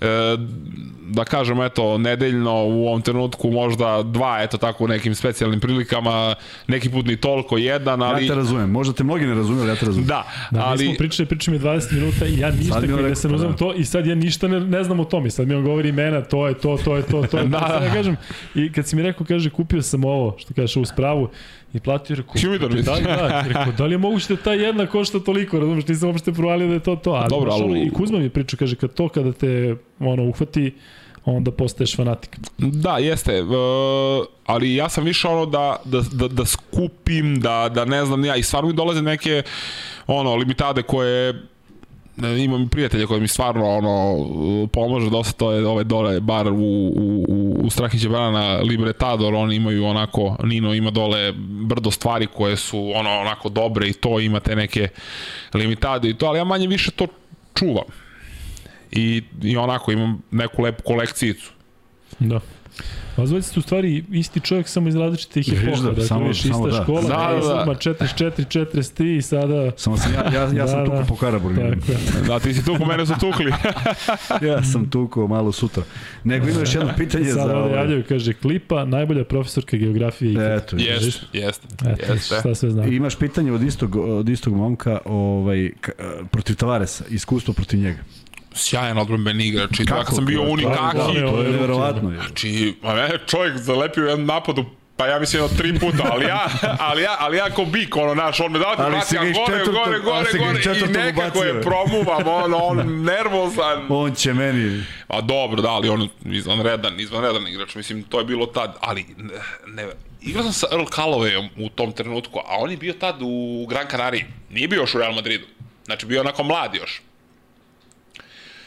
I igram utakmicu neku i prima Tavares sam ispred koša i ono malo njegovo da skoči da zakuca i Calloway koji je metar i 85 od pozadi blok najčistiji ikada ono lopta kako je znači bukvalno kako je on krenuo da zakuca on mu drži ruku ovde i on je kao o, znaš kad ovo visoki i zablokirao ga ja nisam to video u životu ja mislim da ta slika ima i dan danas Rekao, Earl, svaka ti čast, mislim, ono, ja ne mogu da... Dakle, ove je glava ozbiljna, on je još u, ono, u Kahasolu gde je beše igrao. On je bio u Kakasolu, pa je onda prešao u... E, njega voli ovaj Jovan Plaza, on mu je bio i u Jeste, Kakasolu mu je bio Da, plemik. da, i onda vam u... Ja samo jedno i neću više dok ne pošaljem. Samo je moment dok si ovde, reci da. mi, kako ti je bilo u Malagi? U smislu gradi Vrhunski. sve, dakle, Vr, bluze, vr, ono njihove, vrhunski, dakle, da sam i tamo ostalo. otišem, da sam mogo tamo otišem 20 Tapas i godina ostalo. bi. Da, meni, kažem ti, kad se vrati u Granadu, u, u mislim, Granada, Malaga, sve je to isto otprilike. Jes, to ti to, priča, to ti je da. ta Andaluzija, tu je. Da. Meni je tamo bilo fenomenalno, zato kažem, ovo, Jest. nekako poseban, poseban kako, osjećaj. ljudi su stalno, stalno je sunce i Gibraltar je, i Jest, Gibraltar je blizu Na i stalno je sunce. U Granadi. I bio sam baš, ali ne znam kako se zove kraj, ali baš pored stadiona. Pored stadiona Granada. Ja sam bio Benal Madeni u, u, u, u, ovaj, u Malagi. Pošto Malaga ima, imaš, Malagu. Fuen, imaš Malaga, pa ide Fuengirola, pa ide Benal Da, Madena, pa ide, kad, ne, ne znaš uh, tačno šta, onda ide Marbelja, Jeste, posle toga ide Kadiz Jeste. i onda ideš tamo ka je granici. ovamo, tako Da, jest, da. Almer. Jeste. A, ovde se često podsjetimo nekih igrača koji nisu ajde uslovno da kažemo, ispunili neka očekivanja ili ostvarili svoj talent. I sad je stiglo pitanje nešto što možeš da nam kažeš o Aleksandru. Dakle, generacija i uopšte, A to je projektovano da bude bolji igrač od LeBron Jamesa u to vreme. je li povreda uzela to, to sve što je... Meni je jako žao što nismo bare mogli nešto da vidimo da to je to je neverovatno ono kada gledaš ona bukvalno uh, lepota svakog pokreta telo, visina, sve živo. Koga? 2.08? Nije, Više, bre, a? 2.10, 2.11, igrao četvorku, mogla da dribla loptu, mogla da dribla trojku, ovo, ono, šta god ćete, da, sa vrhom, Njemu prelep su šut. kolena, tako, njemu su kolena. Kolena, kolena. Njemu, uh, ja sam u jednom trenutku kad sam ga video, uh, kad se ispoveđivo i to i uh, znaš kako on ima onako listove onako muške, jake, razumeš i to i uh, ovako mi je podigao šorc, a kvadriceps i atrofirali. Atrofirali, pa da. I baš mi je žao i to, eto. Evo ga Avdija na, sajt, na čatu. Avdija? Svi ga ovde, Avdija Destani, kaže najbolji skila. E, I ovde sada svi pozdravljaju Avdiju i on pozdravlja tebe, tako da Pa da, pa kako ne. svi su tu. E, Adija je majstor. E, pitanje za Štimca, ima dosta pitanja od Zvezdi. E, ajde prvo da se vratimo na ovo, pa ćemo da pričamo o onom što je aktualno danas. 2015. 2016. da li se mogli na Final Four, šta je bilo potrebno? Pa realno, CSKA je bio bolji. Napravili smo tu neku dobru atmosferu, ali mislim da, da, da je Jovki dobio da je Jovki ono kad se sapleo, Se, kad je proklizao. kad je proklizao, je tome, da. jer ja mislim da je Jovki u tom trenutku imao poziciju da i on prokliza. Jest, Da je dao to koš da je bilo 1-1, vraćamo Da, da. se u Beograd, nikad ne zna šta je kako ludačka atmosfera, šta znam i to. Mi smo čak ono, pošto su, ni- nisu nam odgovarali oni koševi iz eh, iz uh, arene, mi smo dovlačili koševe Jeste, iz, jeste, uh, iz, iz pionira, Ono oni, tvrdi, oni, oni ono tvrdi tvrdo, da. znači i eto, to je bila takva situacija. Pitaju tebe gde si na slici, verovatno si ti slika. Ja ne, slikao, sliko da. je Kuzma. Ja sam slikao. E, kako ti se sviđa sada ovo što se dešava sa Zvezdom i Partizanom, to dovođenje stranaca i to forsiranje onako skupa, strana pojačanja? Verovatno ti se ne sviđa. Ne znam, meni se to ne sviđa, ja to ne volim, zato što, e, zbog čega ne volim? Ja gde god da sam otišao u inostranstvo, poštovali su više domaće igrače od stranaca. U Turskoj Mi posebno, ovde, tako. da, mi ovde kao da Ovo je- poštujemo Jeste. uh, strance više od naših igrača. A da ne govorimo u Kini, koji su zaštićeni pravilima i sve. Da ti ljudi ne može na teren jedan stranac, Da, dva da. stranca, tri stranca u timu maksimalno. I ne možeš da igraš u, zajedno na terenu dva Da, da. stranca, nego po četvrtinama. Jasno. A ne možemo da poredimo našu košarku kinesku ili bilo koju drugu realna priča. Tako je. E, Mislim, ja se stvarno, ja sam stvarno protivnik toga. Ok, treba da bude stranaca, ne, ne, ne kažem ni to. Isto je bilo priča nešto i oko stranca reprezentacije. E, da, Ni to. slučajno. da. Ljudi, ajde da kažem, jeste čuli da ako je tu, ako je na- raspolaganju, da Štimar hoće da igra prozore kakvi stranci, bre, mi se šalimo bre više, ako je već imamo toliko ovaj, Imamo mi, imamo, naši koji hoće da igraju, Ja sam uvek tu za reprezentaciju, otišao sam u tu, u, u kako se zove, otišao sam u tu penziju i to, ali ako treba, šta god treba, tu sam. jako bitne informacije. Samo, najbitnije iz pa dobro, ako treba tu sam stvarno ljudima, ono kad mm, sad opet kažem, ne mogu sebi da uskačem, otku znam da li ću otići sad možda u Kinu, Naravno, ovo, ali ono, pričali smo, razumeš? ajde ti da se fizički dobro osjećaš, da treniraš. Ja sam da si- odlično na trena sva, svaki dan, nisam ja kao verovatno ovi momci 25, 4, ovo ono. Ali kako kažu, bez starca ne mogu da se šalim se. E, Da li Voleo bi se- da pomognem eto na bilo koji način, ako ima načina. To je to. Um, da li se seća konferencije kada igra u Zvezdi, a Pešić je trener i kada mu je rekao da sledeći put to. kada Da. koš baci dres, kada daš koš da baciš dres u publiku. A dobro, ja sam tad ono prvi put pred tolkom publikom, pa ono pune lana, pa svega, naravno. pa ajde ovo, ono i to. Mada i sad sam isto. Tako da, ne možemo to da promenimo. E, ko je bio vođa i najglasniji igrač na terenu, ako najveći, tako piše za Bantu reprezentaciji dok si igrao? Pa ne svi su, pa dok sam igrao. Pa Teo je znao, znao da drekne do, dobro. Na treningu i na utakmici? Ne, na, na treningu niko nije, nije se, utakmici, da. sale, sale se da na treningu. zadužen na treningu. Da. A na utakmici ono, recimo Kalina je jako glasan u odbrani, priča o što je ga dobro. sve, da. da, da. Baš je glasan onako.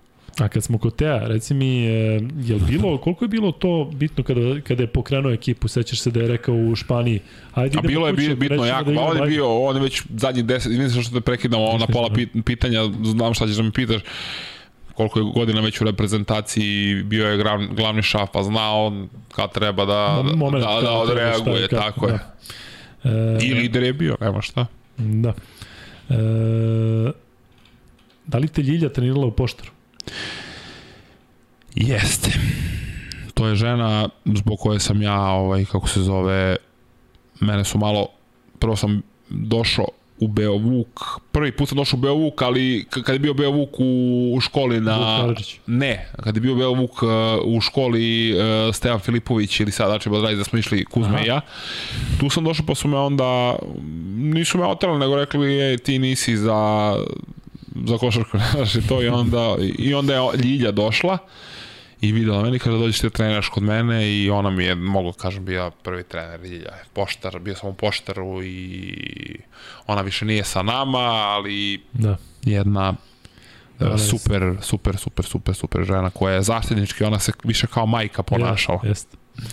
E, da li je veći naboj emocija u našem derbiju ili Fener Bešiktaš? Možda porediš, recimo. Ne mogu, zato što su, mm, ja sam navikao na ovo naše ovde. Ima i tamo naboja, ali nema kao ovde, ja mislim. Da li ti je treća utakmica protiv CSKA najbolja utakmica koju se odigrao kada je u pitanju atmosfera? Jeste. Jeste, baš se, baš se razlika. Baš je bila Da, dobra svega. atmosfera. Jeste.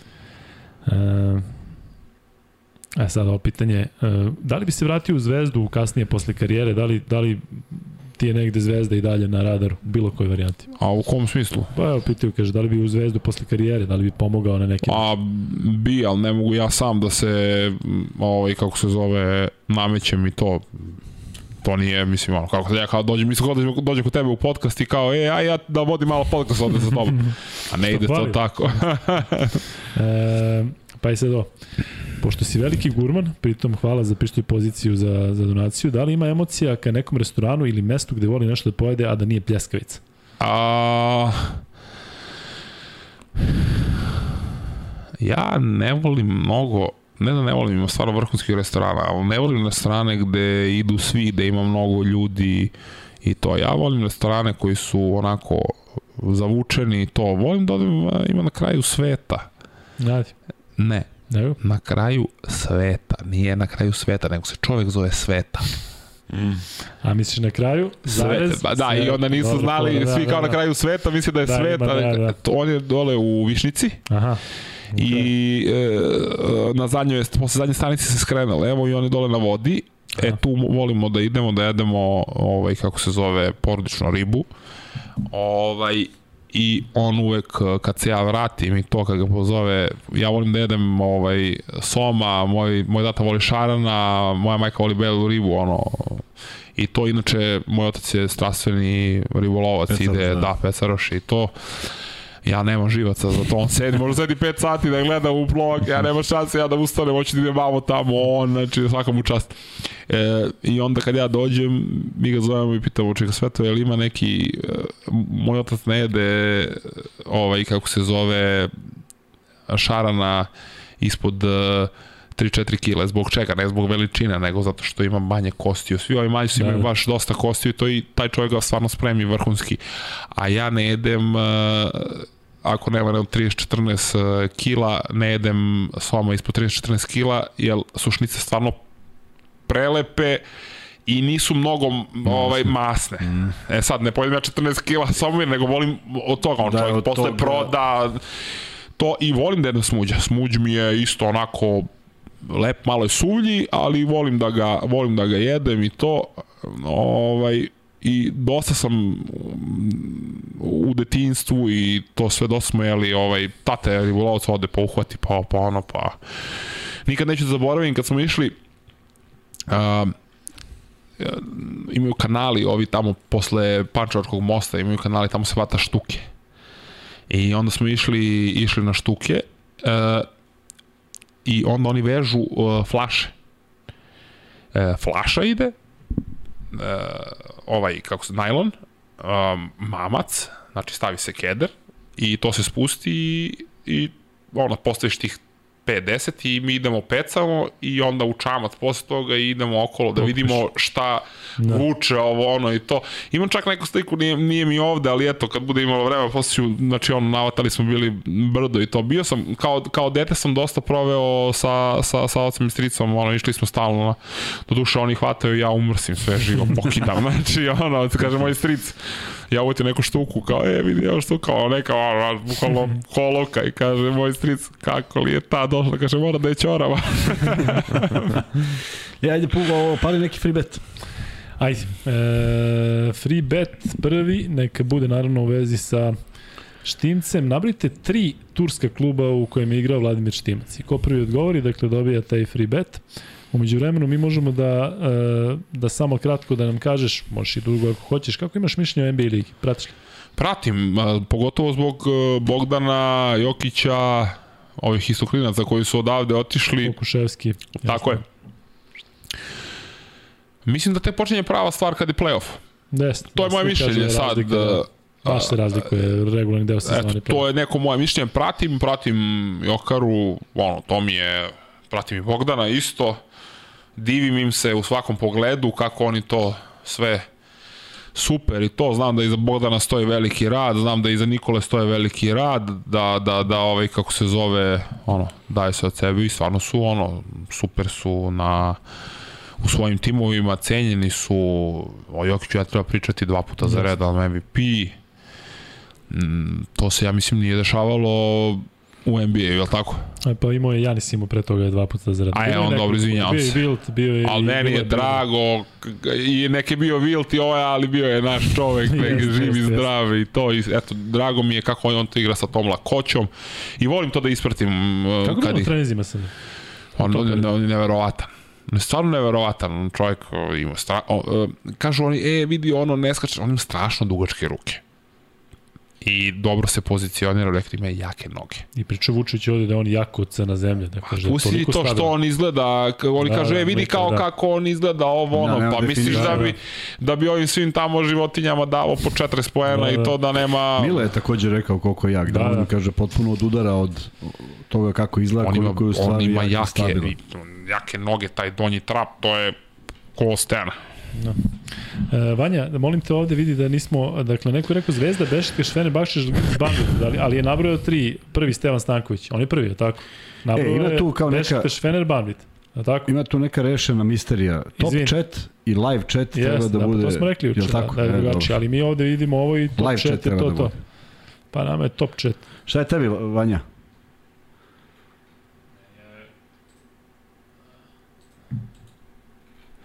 Evo ga moj burazer, kaže, da ja da napišem dobio free bet.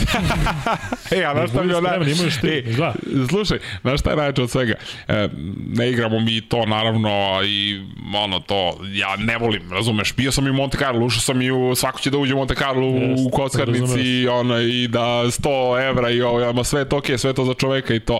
A moj burazer, znači, ono, on kaže, ja neću, on uhvati doti, pa za 20 dinara odigra neki tiket, znači, ono, i to, i kaže, i, i kako ide tiket ili nešto, uve ga neko zezne jedna utakmica kao, u kako me ovi zeznu mi za rekao Demlječe, pa ne, ne, nećeš nikada. Mislim, ne igra on to često, ali on da. pravi neke tikete, pa kaže Ćaletu, šta misliš ovo na njih dvojica, ono kao za 20 dinara, ma ludilo. ali i ovde, i ovde je Stevan Stanković i na live chatu i na top chatu, meni je top chat kako god Stevan Stanković je, dakle prvi odgovorio, Stevane, znaš koja je procedura, šalješ MaxBetov ID na e, Instagram Luka i Kuzma i dobijaš free bet od 1000 dinara. E, sad ovde milion odgovora, dakle svi su ovde odgovorili, ali to, pazi ovaj odgovor. Tofaš FS Galata. Nije baš... Nije, nije baš, nije baš, da, da. Tu možemo da mu oduzmemo koji poen za takav odgovor. Da, da. Piše ovde sada i da je, da je do konekcije, da ima možda i toga. Ali dobro. Pitaju te mišljenje o Vladi Vukojičiću i Vladi Jovanoviću. Sad na kog Vladu Ivanovića mislim? E sad da, ne znam, mislim na Vladu Ivanovića koji je sad u Zvezdi ili, ili na... na... Da. Što se tiče Vlade, Kog? Vukojičića, Vukojičića, on je u Kini isto. On mi je dosta isto pomogao malo u toj nekoj integraciji kad sam išao tamo, stvarno je ono. Mm -hmm. I Vlada je jedan ozbiljan trener. Meni žao što nije negde prvi trener, nema kvalitet za to. Ne, čuli smo se, tako? Da. Da, da, čuli smo. A jesi, a jesi radio si, nisi? On je Kako nisam, ja sam uzeo sa njim uh, mlada reprezentacija. Ne, ne, u klubskog, nisam. A ne, klubskog nisam. Ti si posle toga došao. Madio, to je tako jedan dobar čovjek da je to strašno. Jeste. Ne, možemo da I ispravan i pravedan i sve živ. E, a na, na, ovo moram da ispričam, prošle godine mi tamo u karantinu, on je bio u Jao Ningu i stiže meni 3000 e, juana ovaj, uplata O, kaže, zovu me ovi, zato što sam ja dobar, zovemo iz klubi. E, kao, slučajno smo uplatili tebi, kaže, Vladin bonus, kaže, znaš, i to, i Vlada kao, e, štime, znaš, ajde kao da vratiš, rekao, važi, rekao, vratit ću, ovo, rekao, sutra malo i, i to, i ništa, napravimo mi to, vrat, vratim ja, ovaj, e, sve i to, kaže, Vlada, jeli bre, kaže, kako se bre nisu zeznuli da meni uplate, kaže, tvoju platu? Da li bi onda vraćali, ja? da, mi, Vlada je, Vlada je čovek, neverovatno. E, pitaju te o Rašku Katiću i koliko je snažan. E, Raško je stvarno neverovatno snažan i da drži u, u onom stanju telo toliko godina i to sve, mislim, ono svaka mu čast. Ja sam vidio neke vežbe koje je radio, čovek uh, valjda držao teg i popne se na onu bosu, ne, nije bosu, nego onu veliku loptu i kao država, stvarno neverovatno, ko Hulk je. E, pričao nam je Šaren, Šarenac iz svog ugla kada mu je Sala javio i rekao imam za Španiju šestoricu. Znam, vidio sam, zamerio da. sam mu to užasno, šalim se, nisam, Šaren je super Ali čovjek. pričao i Jovke ovaj, e, o tome kako recimo Raško u jednom trenutku bio onako nevici da digne ruke od svega zato što je mislio da neće moći da se snađe. Kako je bilo biti u toj ulozi, dakle, potpuno ste novi, nisi jedini novi, nisi ti sad nego već imaš... Ja sam već tu, u, već sam tu u drugoj, trećoj godini, da. Ne, ne, ja sam već u drugoj, trećoj, kada je Raško Raško došao sam već u da, dru, da, drugoj, trećoj da, godini da, sam već bio da. u reprezentaciji kada je Raško došao. Ali ta nova ekipa i to novo sve, kako je to sad uspio da uklopi? Mm. Šestoricu ipak, kako kažeš, Pa odlično. Znalo se tačno ko je, ko ima ulogu. Pa lepo ono što je objasnio. Sale kaže, ok, imaš tog, i glava da mu ne bude na ramenima. Mislim, košarkaški, naravno. I ja ulazim kod tasmanijski đavo i idemo. Mi, zanimljiva situacija na prvenstvu Evrope, a, finale, dešava se ono mi malo gubimo ono ko, os, osakaćeni bukvalno Jokes dve igle u nozi bukvalno ja ulazim u slučajnicu ne mogu verujem on dve igle u nozi ono čeka doktor da mu bode da mu da ono blokadu da može da igra. Svi živi povređeni e, Teo se povredio povredio se ovaj povredio se onaj znači osakaćeni maksimalno došli do finala finale krećemo tu, oni se malo odvajaju, Luka Dončić, ono, nova snaga, Goran Dragić igra vrhunski, imaju one e, Dimec, ne znam nijako igraju, stvarno dobru košarku. Randolph je igrao tada. E, da, jeste, jeste, jeste, jeste, jeste, ali nije toliko bio nešto... Gašper Vidmar je igrao u odnosu na, na ovaj tim. Da, i Vidmar igrao, jeste. Tako. Jeste, bravo, i Vidmar je igrao. I to je isto ozbiljna pomoć. Vidmar je odličan igrač. Da, on je igrao možda najbolje prvenstvo svoje. Sigurno. I tu mi nešto gubimo valjda 10-11 razlike i to. I ja sedim ovako prvi, pa idu svi i u jednom trenutku ja onako cupkom gledam i Sale ovako se okreće ka meni i kaže šta me gledaš uđi? Ja, ja ulazim unutra. Kreće malo tuča neka nešto ali približili smo se mi tu i dosta i bilo je ovo i ono i na kraju smo eto, samo da smo imali ja mislim da je bio tu Teo ili još neko da je ja, bio tu, ili da je Jovke samo mogao da igra.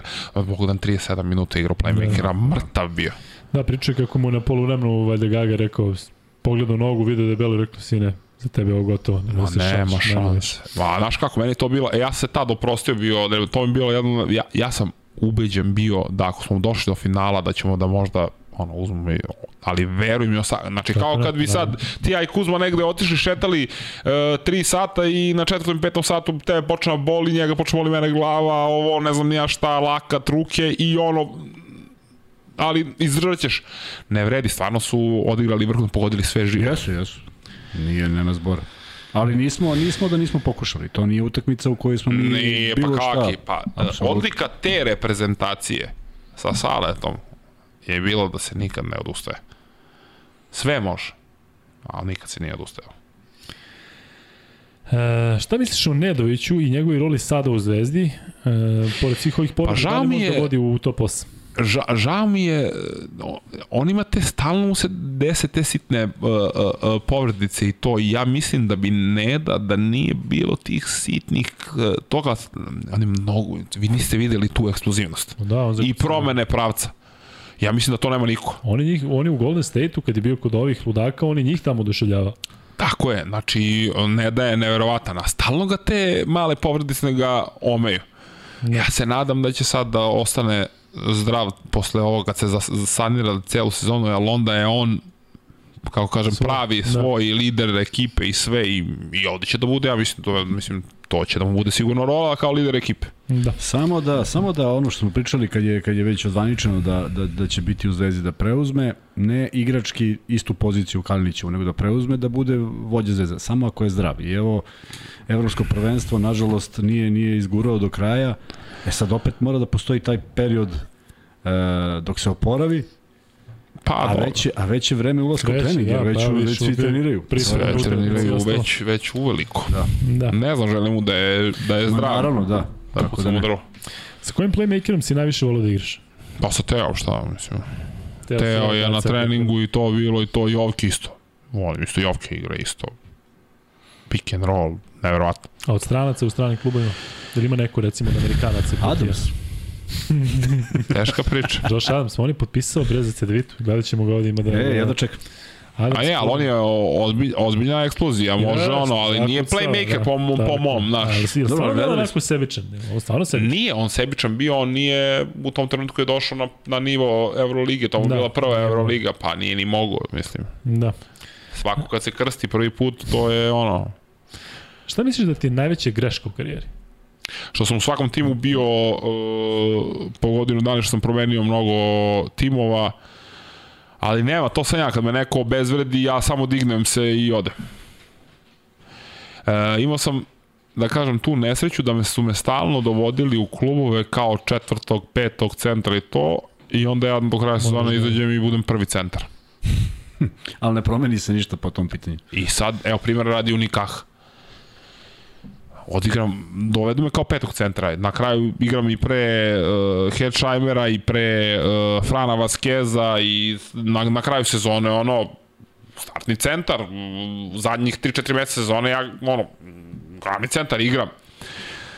I onda se završi sezona i sve to, i sad, ajde ljudi, dali ste mi taj ugovor, uh, hoćete opet da mi date taj, taj ugovor, Možda bi bilo u redu da me malo nagradite zato što sam prošao Golgotinju, da zaradim i ja nešto.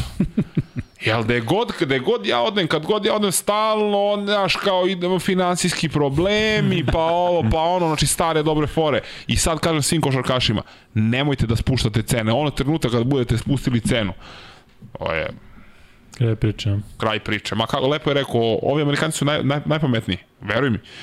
On kao, kao I don't do charities, kao, znaš. Ne, kao moje, moje, moj, kao moj, da. moj, moj servis kao nije besplatan. Da, da. Dok to nije problem kad dođe zvezda ili tako nešto, to ne nikad bio problem. E, šta misliš o Balši i o Petruševu? Ali malo možeš više od Petruševu, zato što deluje da je on onako osetio ono što si ti osetio u Efesu. O Petruševu i o Koprivici pričaš. Da. Ja sam, evo prvo ovako, gledao sam Koprivicu, stvarno izgleda stvarno ono i, i skočan je i veliki je i to i to je ono što sam uspeo da, ali verujem da on eto sa, sa, sa, sa nekim radom, sa, sa Željkom i to mislim da i otac mu je bio isto Tako vrhunski igrač i to. Što se tiče Petruševa, Petrušev je iskusio uh, ono kad si najbolji u klubu kao što je Mega, Mega je super klub, i onda te povuče Efes koji je kao Real Madrid. I onda tu imaju igrači već koji su ustaljeni, koji igraju brdo godine i ti ne možeš da dođeš do izražaja. Zna on najbolje, zna mu menadžer najbolje šta je. Mislim da mu je bolji bio potez da je odigrao u nekom slabijem klubu više minutaže, pa da je onda šta je uradio recimo Bogdan? Bogdan nije otišao u NBA kad je kad, kad su ono imao je vrhunsku sezonu I Nije- draftovali su ga već. Jeste, nije, ali rekao je, e, neću, ostaću još godinu dana, Da, da, da. da. uzu Euroligu, otišao NBA. Jasno. Hoću da kažem timing, da, da. da. da, je dobar tajming, da pametno. Mislim da, ono, čovjek je uradio sa svojim menadžerom šta je najbolje, ne osuđeva niko ništa, ne kažem, eto, to je moj neki pogled. Možda da, je pravi, možda nije. Da je možda preveliki zalog je bio u tom trenutku. Pa zato što...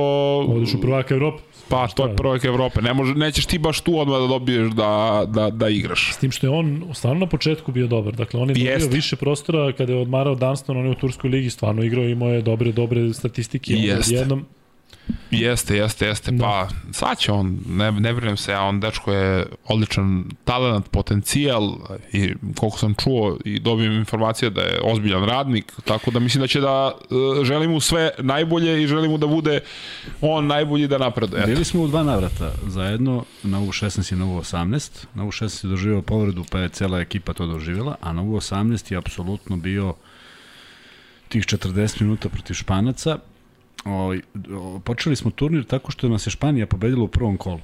Dobro. I igrali smo finale s njima. I potpuno drugačija utakmica. Vlada Jovanović Vlada Jovanović iz Partizana je spremio utakmicu, ali Petrušev je bio apsolutno neko ko je, od koga je sve polazilo i onda se Mali Mišković uključio, a onda u drugom programu i Pecarski. I to je bila ta neka osnova njihova koja je zaista donala rezultat. E, sa Pecarskim, šta se trenutno ovaj, Ne znam, e, dešava? Gde je on? Je Možda on nije bio borac i nešto. bio je u borcu, ne znam da li je ostao. Pa poslednje što ja znam da je u borcu. Tako. Poslednji ja što znam da je u Da. borcu, ali ne znam. Mnogo je, mnogo je to zeznuto kada u tim godinama promeniš toliko Jeste. sredina, zato što... Ali on je isto, pratio sam ja, ima on ozbiljan potencijal.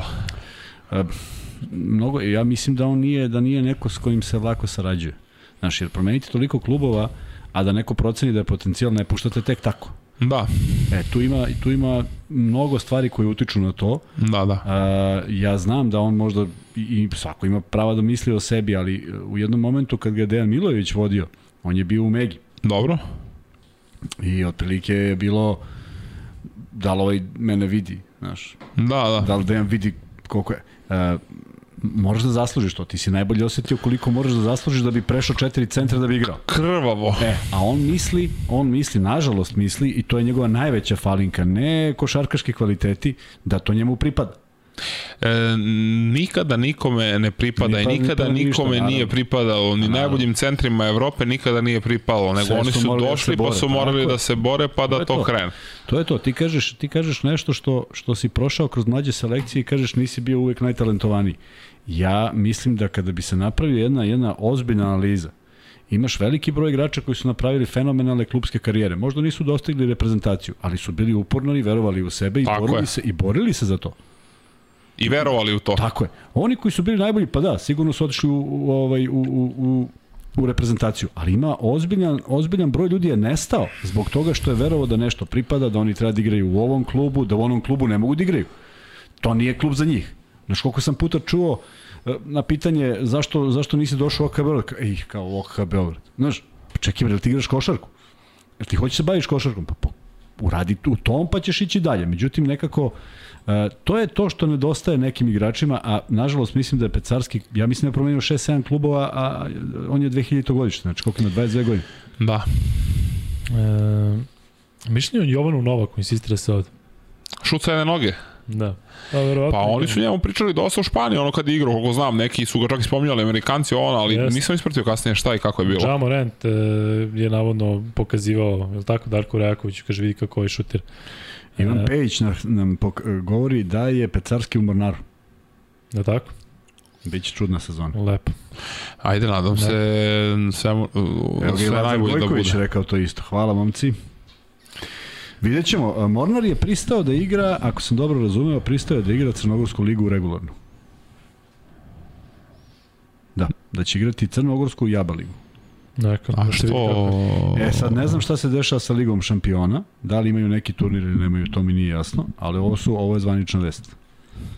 Mislim što je dobro za Nema pojma, i te isto frakcije, sve živo i to, to, oko košarke, ljudi, nema pustite, daj smisao, košarku da. da igramo. Evo sad baš pitanje oko ABA ligi, kako komentarišete osam ekipa u play-offu sva trojica? E, pitali su me, ajde, da, da već sam odgovorio danas na to na nekoliko mesta, za mene dobra stvar da se ustanovi play-off, ne znam da li si obratio pažnju. Jesam, prvi, video sam, da. drugi. Jedna Ono je stvar bio koja- čudan sistem. Ono ne, ono je bio sistem koji je sad nametnut da Zvezda i Partizan tu malo imaju vremena da se rehabilituju ako prođu svoja, svoja takmičenja, a ovoga puta A je jeste, ali naporno je to. Ti kad pogledaš, koliko ima u Euroligi uh, utakmica? 34. 34. 34, E, koliko ima u ABI? 30, 26. To je već koliko? Što govorimo o regularnom delu sezonu. Regularno da se. I onda imaš play-off, znači izađe sigurno na 80 i Tako nešto je, da. utakmica. Izađe preko, imaš i prijateljski, imaš 90, kup, da, da. imaš svašta, pa da.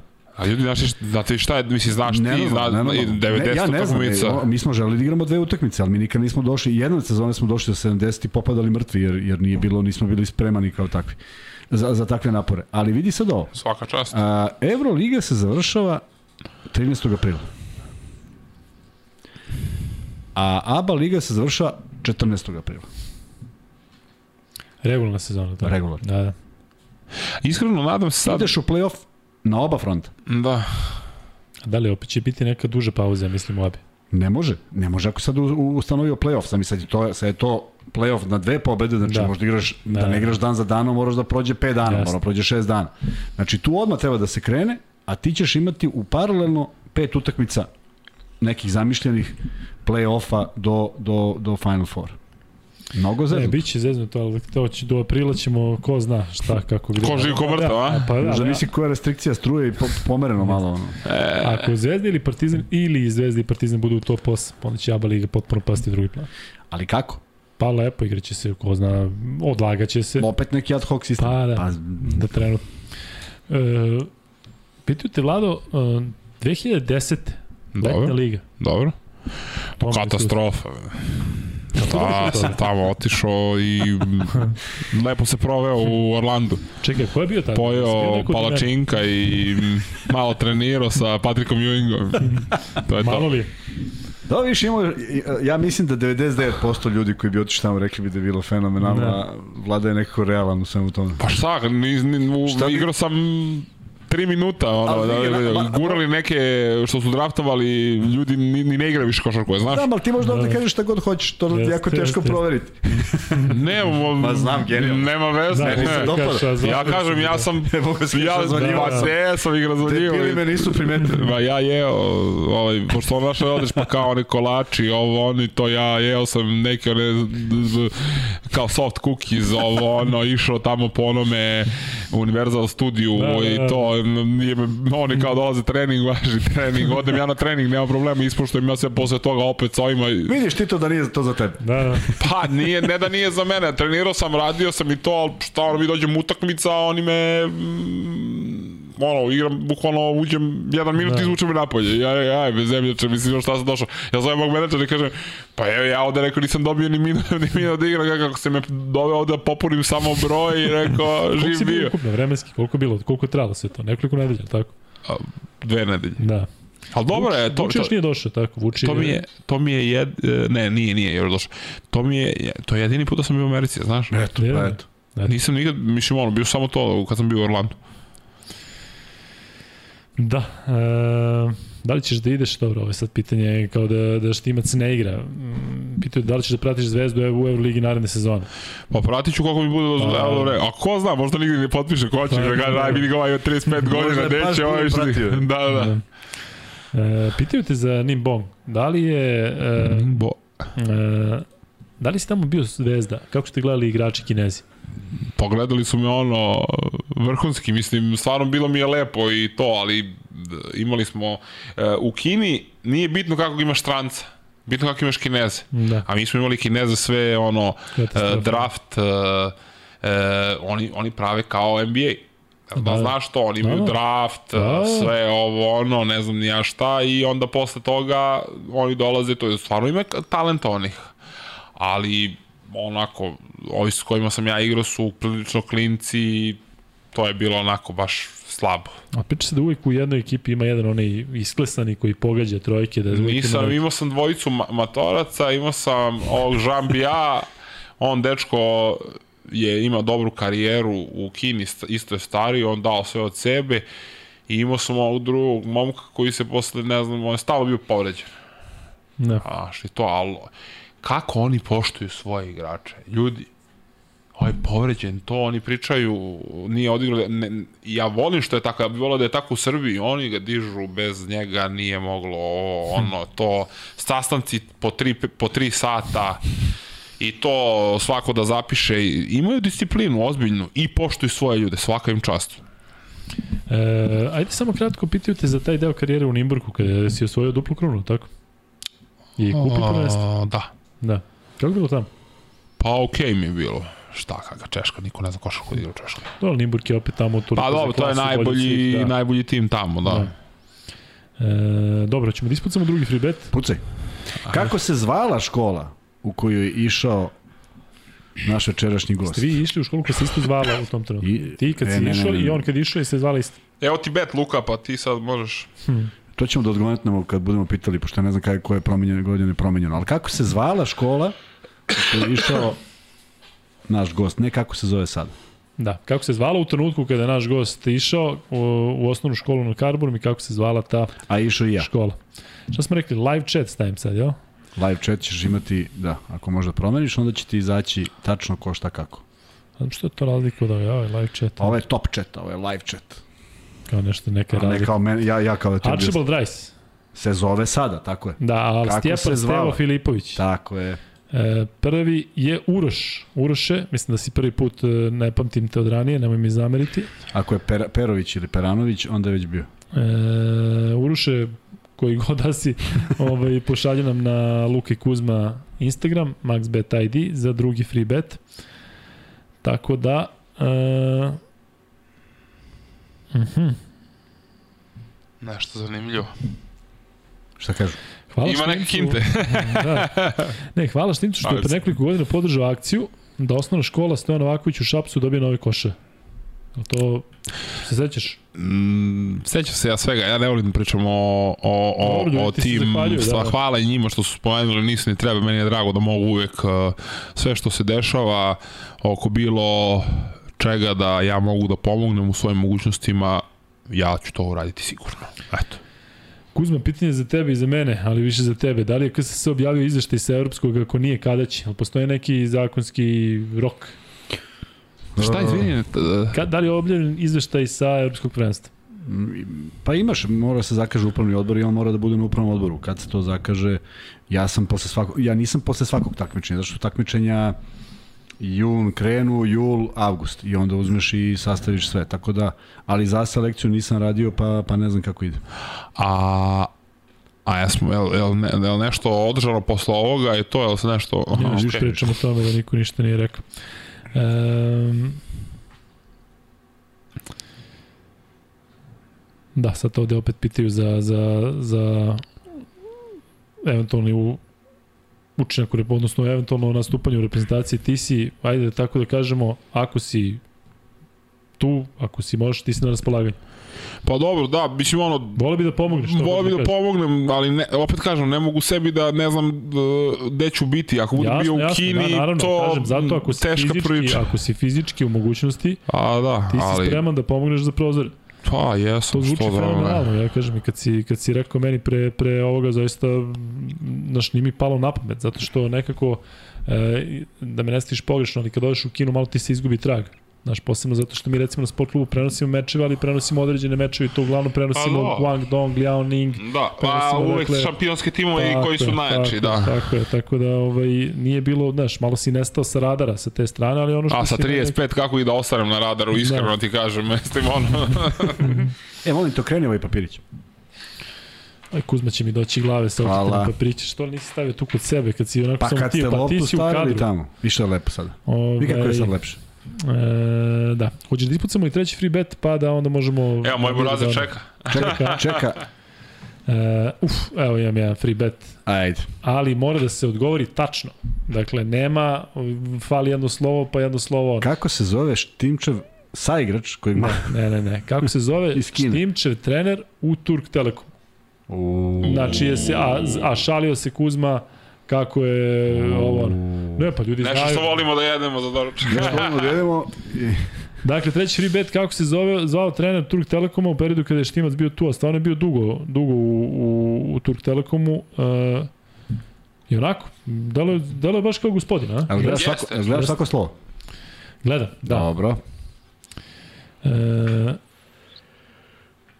Šta kažu? da li dereš pljesku kod Marka Pantera u Višnjičkoj banji? Eto, viš, do, Kod Marka? Panter. Pantera. Ne. Ne zna ni šta je to. Uh, kaže, Štimo, Jako voli- Đorđevića uzimam rošte. Pitaju te e, da prokomentariše sledeće brojke, 40 pojena, 17 skokova i 7 asistencija. Šta A to mi je bila utakmica u Kini. U Kini, je tako? Da, da. Da, proti koga? Pa protiv uh, Sichuana ovde nam je Topić. Da, da, Sichuan Blue Whales. Blue Whales. Da. Da. A što ti zoveš Pa me.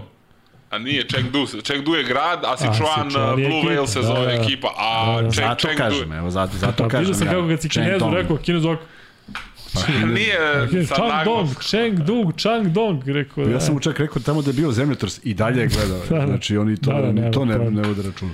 Um, oni su, jesu te sezone imali samo Kineze, Ko? Sichuan. Ne, bio Hadadi. A, radi, da. I dalje izgleda. E, Ne znam da li sad, ali oni njega tamo... Čekali ono, su ga baš nešto, pričao mi je Milenko. A valjda je sad se uh, oženio, pa hoće da dovede i ženu sa sobom, pa zato. e, ajde ti reci, što ima da ti presudi. Kako je tačno ime Buraka Gorena? Burik, Burak. Burak, pa ja kažem da mora tačno da se. Svi stavljaju. Burak. Evo ga, Vladimir Milenković, prvi odgovorio Burak Goren. Svi stavljaju Burek, to si ti. Burak Goren, da. Burek Goran. O, Da. da. si Bureka. Burak Goren, Vladimir Milenković je odgovorio prvi, tako da... Naš imenjak, viš kako je namešteno sve. Nego. Pazi, ovdje dobio free betovi ili Vladimir ili Kuzmanović. E, Da, u stvari ne dobijate vi betove i Tako. posle da se a, kao kladimo se. tri soma dinara. Tako je. E, pazi, sad imaš, uvijek imaš šaljive odgovore. Burek sa sirom, jaja ture, ja, ja, to je. ovaj, tako da, da je dobro. Kaže čovjek, kako se brukate sa tim papirom? Eto, to, to ti kaže čovjek. A zašto je, zašto je to? Ti kao da ih pozivamo da lajkuju, zato što Još se gore kad moramo da zovemo ljude da lajkuju Da. i ostalo. A ovo je kao da, da, da nešto zna. A neko je rekao da bude na Ćirilici. Mm, Da, jeste. E, Jel gleda svih 2 sata i 20 minuta? Samo me to zanima. To, da. Ne, znam- ne znam da li to, to ću ja reći. Koliko je ovo sad? 15 do, 15 do 12, Da, ne? jel ti, je, jel ti deluje da si bio ovde 2 sata i 40 Ne, minuta? znaš zašto mi deluje? Zato što ja u poslednje vreme, Drem- zadnjih drem- dve, dve spavam. godine s decom, ono, bukvalno u pola deset u krevet idem da spavam. Da, pa hoćemo da privodimo onda kraj dalje, a? Šta kažeš Kuzma? Pa ako ima nekih lepih još pitanja, aj Ne, ti možemo još jedno kažeš, ako ima 15-20 Ako znaju- minuta. Da, ako ima pitanja gledalaca, E, pitaju te za Aarona Harrisona u CDVT pojačanje, ne znam da li je potpisao, jesi igrao sam? On je, igrao sam protiv njega. E, Dobar igrač. da, ja, Onako lucidan je, može da pogodi, Jest. ima dobar prodor i odlično. ja ovaj, e, ne mogu da se Samo ne znam u kakvom mi je stanju sad, mislim. Koji mi je brat bolji, ali čini mi se da je možda Aaron, sad ne znam. Aaron je bolji. Jeste, tako? Meni je Aaron bolji, ne Da. znam. E, Kuzma, tebi? Ko ti bolje od braća Harrison? Aaron, Aaron, kako se zove? Aaron. Aaron i Andy. E, ne znam drugi kako Da. zove, ali Aaron znam da je prvi. Aaron, Aaron je bolji. Da. E, pitajte za Savu Lešića, verovatno zato što onako sličan ste tip igrača, ne očekuje se da sad, ne znam, pravite nešto, da zakucavate na uvijek Dobro. skoro skoku. Ba dobro, Sava je isto odličan. I, on ima i dobru tehniku i ovaj, kako se zove, i, i, i ima dobar skok i zna da se i postavi. On stvarno onako jedan super uh, da te uvek izne, iznenadi sa nekim potezom, da ti da koš i to stvarno je onako kako da kažem, super igrač. Štimar treba da radi sa mladim igračima, da ih priprema za seniorsku košarku, a u Repki treba da ima mutinu ulogu, to je idealna uloga za ovog čoveka. Jel vidiš, jel možeš sebe da vidiš, malo pre si pričao. A ne mogu da se vidim nekim- uh, da se vidim tako. Uh, kao muta, ne u smislu muta je super. Ali ne, ne bi tako, ja bi da malo to bude nekako onako drugačije. Volio bi da radim uh, sa igračima malo visokim, to, to bi volio, eto. Ali te recimo više priliči da radiš sa već centrima koji su profesionalci ili sa mlađim? Ne, radio bi se mlađima, ali onda eto ako se neko zainteresuje kasnije, mogu bi da radim Da. i da sa nekim koji su eto malo stariji, ali ne bi mogao da radim sa nekima koji su moje godište ili stariji od mene, oni ljudi su ono već OHH, nego neki koji su dolazeći, koji to bi voleo stvarno i razmišljam dosta o tome kad budem baš završio sa, sa, sa karijerom i sve, razmišljam o tome da, da, da radim ono sa, sa, sa ono, individualne treninge i to. E, pitaju kako ti brat igra basket?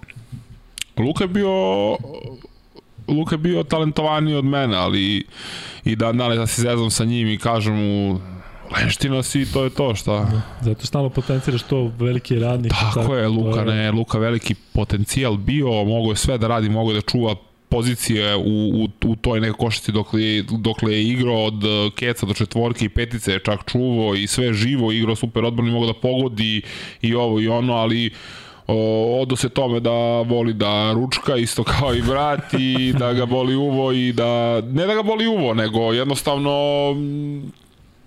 Nije ulagao u sebe. Nije ulagao u sebe i to, ali Luka je završio ovaj srednju ekonomsku i uh, fakultet be, uh, bezbednosti ovaj kako se zove završio. E, to nije uopšte naivno, on eto, otišao je na, na, na, na školu. Tu strano, jel radi Tako u tom, tome što je... Ne, ne, ne, ne, mislim sad će on polako da krene da traži posao i to sad je završio Aha. pre, sad, ne, ne, Luka je jako inteligentan i za to, za te bezbednostne stvari, to je stvarno onako, mislim pričao meni o ovo, ono, ja pola stvari ne razumem šta, kako, ali. E, I ništa ne radim, recimo, kad nešto i radim i biznis neki ne idem nigde bez njega, jel, on je tu neko koji, on, maš kako čita ljude, znači, ono, nevjerojatno. Strah. No. E, pa i sad ovo. Ivica Milošević kaže, Štimala, ti si legenda. Ko te je to sa Karabur Mediro? Dobar si čovjek, mislio se te ljubili. Samo kaže ime, mi ćemo da ljubimo. ne, ne, ne, treba, pa da, klinici da. smo bili, oj. Da, pa to stavi. Klinačke tuče i to. Dobiješ malo, malo i ti nekoga prebiješ Tako i je, dobro bude. krug, Da. E, pitaju te da li pratiš futbol i da li pratiš zvezdu u futbolu? A pratim, e, pratim sve sportove, gledam šta se dešava i to. Ne mogu da kažem da sam u futbolu toliko kao što sam u košarci, jer ne, ne volim da se mešam u stvari koje ne poznajem. Ja ne znam, mislim, znam, volim da gledam futbol, ali kako ću ja da kažem nešto Naravno. o futbolu kad nisam Ne, nikada futbol to da li pratiš koliko Ne, pratim pomalo, pratim šta se dešava i to, ali ne Da. mogu ništa da komentariš, ja sam duduk za futbal. E, pitaju te omiljeno kinesko, jel? E, I ajde da, i molim te potvrdi ono što svi pričamo, da je kineska hrana u Kini i kineska hrana ovde potpuno drugačija. Totalno dve različite stvari, ali ja sam, mislim, u oba grada koja sam imao sreću, western hrana je bila zastupljena, tako da, Da. ja nisam, ali sam probavao neke one hot potove Da. i to, i, ono, lepo je kad ti oni ono, nešto ti smuljaju, napreti, ali ima i neke stvari koje nisam mogao da nisu mi odgovarale za stomak. E, Da. Kuzma stalno podsjeća na rad sa mladima i to jeste baza naše košarke. Posvetiti se našoj deci, ukinuti ABA ligu, igrati domaće prvenstvo bez stranaca, time će biti bolja reprezentacija. To je lepo reći, lepo zvuči, tako, ali apsolutno Dobro, ali to nije izvodljivo i to Naravno. nije realno.